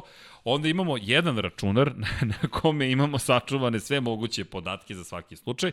Drugi računar na kojem je live timing neprekidno uključen. Pavlo telefon, moj telefon, poruke, Twitter, jer ne znam šta sve ne stiže, I još treba da slušaš radio Tako vezu, je, i koja je sad. često nerazgovetna jako. tako je. Znači, ne možete, tu, ali Kimi sa onim njegovim mekanim engleskim e, naglaskom, kao na nakovanj da bije čekićem i onako redno sve. Dobro bre, idioti. I sad ide priča. Ne, Ne moraš ne, ne ne, ne, njega ne možeš, ne, pa vidi, ne možeš da ga ovaj, citiraš uopšte. Šta ne čovjek? smeš da ga citiraš. Ja mislim da bi Ne on smeš. najradije uterao auto u garažu, bacio onaj volan i rekao, e, bre, idem bre, se kupam. E, ali čekaj, moram Znači- nešto, moram nešto ti kažem. Pajo, ko pobeđuje sada? Paja, je- pa, pa, imao si gotovo savršen vikend. Kako Ne tipuješ, vidjet ćemo u petak. desi se. Vidjet ćemo u petak. Nećemo sada Ne, da, mislim da nije realno pre... Ovaj, nije realno Znaš ko će da bude jed, jednu, Ricarda, Ricarda jednu, jednu stvar... Uh, Okrenuo se na stazi onoj bici. jednu stvar uh, sam siguran. Uh, biće sad, šta znači dobri? Biće i McLaren i Renault jako dobri. I mislim da je ovo staza gde možda i mogu ispred Force, ovaj uh, Racing Point. To će, to, jedva čekam, pravo da ti kažem, jer ovo je staza koja je bila u predsezoni. I možda će ovaj uh, Haas konačno da donese odluku da ovaj da proda ekipu jer mislim da je za Formula 1 dobro da Gene Haas proda ekipu i da se ovaj već neke stvari tu iskristališu. Šine Hasa nema ni u Naskaru više, ja ne znam šta je čovjek, nema ga nigde. Ništa. Fabrika, automation, ona kako se zove. Ni, Dobro, on radi CNC mašine. CNC mašine. Pazi, Ovaj, kriza je. Da. Kriza je ogromna. On mora da, spasi vidi, uzmi prodaj, biznis. uzmi prodaj ako već postoji taj Carlos Slim kao Opcija, da. relativno uh, uh, zrela opcija. Mislim da će Williams biti jako ovaj, uh, veliko otkrovenje, da tako kažem, i mislim da ga neće preuzeti niko. Naće se neki investitori, sponzori, evo ga, ušao je Umbro, polako, idemo. Ajde, prvo kao odeća, majice, ovo, po, ide, mislim, sve to... Korak sve- po korak. korak po korak. Ovaj, I bio bi zbog zaostavštine, cena bi bilo zaista grevata da Williams nestane. Znaš, Da, da ode, ali e, Haas nema neku zaostavštinu, e, tu se ne zna ko pije, ko plaća, Grožan jedno, ekipa drugo, Magnussen ima neku svoju priču, pa treću, tamo baš se... je disfunkcionalno. Da, da, da, da, potpuno jedan raštelovani ovaj A bio je orkestar. tako lep tim kada, je, kada su ušli u, u, prvenstvo i odmah poene osvojili. Zaista romantična Sve je bilo priča. super. Jeste, jeste. romantična priča, ali negde se ta romantika Opet, izgubila. Ja, ja mislim da je ovo mučenje. Ti kad vidiš uh, uh, Štajnera da ovako gleda trku, Ali, izvini, ja, ja stojim pri mojim rečima da je Steiner zapravo najveći problem. Ti si stavio čoveka Slažem koji... se tu sa tobom. Ne možeš, i to smo pričali, evo, došao je Zach Brown, nije Zach Brown rešio problem. nije. Doveo je Zajdla. Zajdan iz Zajdlu. Porschea, Iz vojnik Porschea dolazi čovek. iz LMP programa. Ti dovodiš čoveka kod koga koji kaže matrična struktura, komiteti. Molim? Šta pričam? Ne ovde. Ovde je hirarhija jasna. Ja sam ovde i lanac ishrane ide ovako. Vojska. I kraj. I, Vojska. Jer to je mali sistem. Mi ne možemo ovde da pričamo o, o mali. Ima puno zaposlenih, ali ovo je ultra efikasni sport. Ovo je sport hiljaditinki. Dakle, mi ne pričamo o tome, postoji velika razlika da li pravite vrhunski časovnik ili pravite nešto što treba da se proda u desetinama miliona. Ne, to tamo optimizuješ proces. Imaš prototip, prototip košta 2, 3, 5 miliona, ali ja to treba prodajem za ko je vlasnik svih premium robnih marki. Pa Zara, koja ne prodaje premium robu. Ne, ali ide na količinu. Za široke narodne Tako je. mase. Imam napravim prototip, kroj gde mogu da uštedim, aha, ali 10 cm konca pohaljeni puta Šiju ovi tamo u miliona. Kambodži, u- Nažalost, ali zloupotreba sistema. Vidi, pričamo iskreno. Pričamo iskreno, globalna globalizacija je donala mnogo toga dobrog, ali je dodala i to da, aha, jel tamo možemo jeftinije da Za 3 platimo? dolara idemo. Za Idemo, dolar više, kraj. vraćaju da se vesterni. Tako je, ali vidi, dolaziš do toga da ti sad ovde imaš sistem koji ne može tako da funkcioniše. Mi ovde ne radimo na tome da imamo medijanu, pa kao najbolji prosek od svih, ukinimo ekstrem. Ne, ne, ne, ne. Mi jurimo ekstreme. I to onaj tamo desno ekstrem. Filigranski Tako top. je, gde ti platiš x da dođeš do 90%, pa još jedan x da dođeš do 95%, pa 10x da dođeš do onih 5% preostalih. To je ona priča što sam ti rekao. Sekunde se skidaju lako, Tako je. ali desetinke... Ova poslednja. Pa kad dođeš u pola sekunde, Tako je. e pa vidi, onda dolazimo već na stote. I onda dođeš do toga, mi sad pravimo sistem gde nas 10 pita se nešto. Ma nema. Nema. Sečeš, ali isto tako. On nije dovoljno dobar, nije najbolji. Ali njega odmah seci. Kraj. E, to Red Bull radi i sa vozačima. To radi Kraj. sa vozačima. Horner, svo poštovanje dr. Helmut Marka, a, ti si Baja tu, ti radiš, ti E da. Horner često se zapostavlja. Horner dobija savete, ali Hornerova je poslednja. Hornerova Njemu Marko poslednja. sugeriše, Sugeriše, savetnik. svi živi, Piše tamo, on je Nije konsultant. slučajno. Ali njegova nije poslednja. vidi, ja bi možda ovako to, a Horner kaže, u pravu si. Ili nisi. E, vidi, nećemo tako, ja mislim ovako, ja Ali preuzimam na poslednja je sebe. Hornerova. Tako je. Tako je. U svakom slučaju, e, kada pogledaš formulu, čeka nas drama. Drama nas čeka. Znaš, e, samo znate koga očekujem strava trku. Dakle, super trku. Carlos Sainz. Dva puta 13 za redom i sad ide kući. Oni Mislim su, da oni su u. Silverstonu napravili korak unazad ozbiljno. Uh, bušili su, širili su te, te rupe pozadi da bi poboljšali hlađenje na Sainzovom bolidu, Ali kroz pazi, pokvarili aer, ali aerodinamiku bi na zadnjem delu. prvoj trci da nije stradao. Da, ali gledaj, Norris, koji nije imao taj zahvat na bolidu, Konstantniji je bio. da, specijalno Ali nije pazi, uradio, ali je deveti. konstantniji bio. Ajde, e, to ajmo. je to. Znaš kako? Vanja već počinje da mi kaže alo. Ljudi, pa prekinite. Vanja, E, kako ništa, da samo prekinemo? ovaj, idi, idi Pajo, zakaži mesto u kafani, mi se prebacimo tamo. Ne mogu, moram. Vidi, to je već zakazano. I, i ja sam već na, na Ej, nekom ljudi. Ženo, idem po decu, Ljudi. dobro. Nadam se da smo, da, stigli da pokrijemo makar delić onoga, ali šta vam je Formula 1? Jedno od pitanja je bilo da- ka, šta ćemo da gledamo, kako ćemo. Svi gledamo svaku trku, nema odustajanja, ide Španija, Belgija, Italija, Mugello, Rusija, Eiffel, da, to jest Nürburgring, pa onda Portimao. Ej, Portimao potvrđen u Moto Grand Prix, Portimao čekajte. je predivna Bonbona. staza i gledaj sad foru. Na svu muku to što Portimao jede gume, oni sad pres, presvući će Da. go, gornji onaj layer Da. za Formula 1. Vidi, idu tamo, ne znaju ništa. Pa, samo onaj spust. Ne znaju ništa. Oni idu čekam. tamo, Pa, i MotoGP nije tamo vozio. ni A- a MotoGP će nije. sezonu tamo. E sad da, i oni će onda voziti Uveli na, ovo, na toj. Na istom novoj novom istoj. asfaltu. Na novom asfaltu. Znači, Elem. to je ludilo. Čeka nas savršen još jedan vikend. Dakle, Ja samo čekam da imamo odmah da vam kažem. Tu će da se vidi majstorstvo mnogih. Druže, i kako kaže reklama, imam samo 10 sekundi. Da. Znači, to je to. A Verstappen se naljutio na Britance ovaj, pomodio.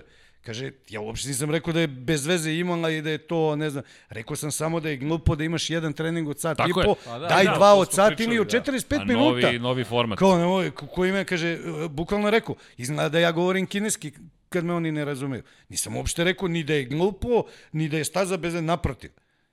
Znači, samo sam rekao da dajte nam dva. Je sad, ako se ti negde Da, drama tamo. otajtariš u neku livadu i ogradu, šta ćeš za kvalifikacije? Ništa, gledaš iz garaže, piješ sokić I to je to. I hrkljuš. Elem, da najavimo samo. Dakle, ovog vikenda imamo veliku nagradu Španije u Barceloni Formula 1. Veliku nagradu Austrije, da ne kažem štajerski za malo, Austrija na Red Bull Austrija, ringu, da. MotoGP, je, da, Moram da krenuo sam već na ono sledeće, Kao ne, sad je čekaj, štajerska, da. ne, Austrija, e.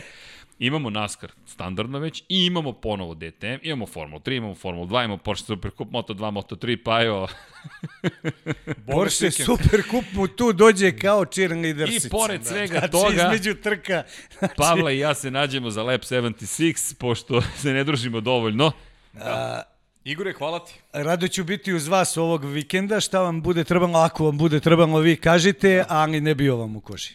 Hvala ti što si došao. Da. Hvala vama što ste Dođi me zvali i, i, ponovo. i ovaj, Spremi neki drugi post, spremi neki novi poklon. E, sad put. Binjane sa Paris Hilton na motoru. Kako jaše motor, znači to nisi vidio. Da, dobro, Znači vrhunski. dobro. A, Vrhunski. U, u to ime, kao i uvek, mi vam želimo jedan, a, jedan lep dan, popodne, veče, noć, šta god daje. Svakako budite sa nama. Sutra snimamo za MotoGP Lab 76 i ćao svima. Svako dobro, Prijetno. ćao svima.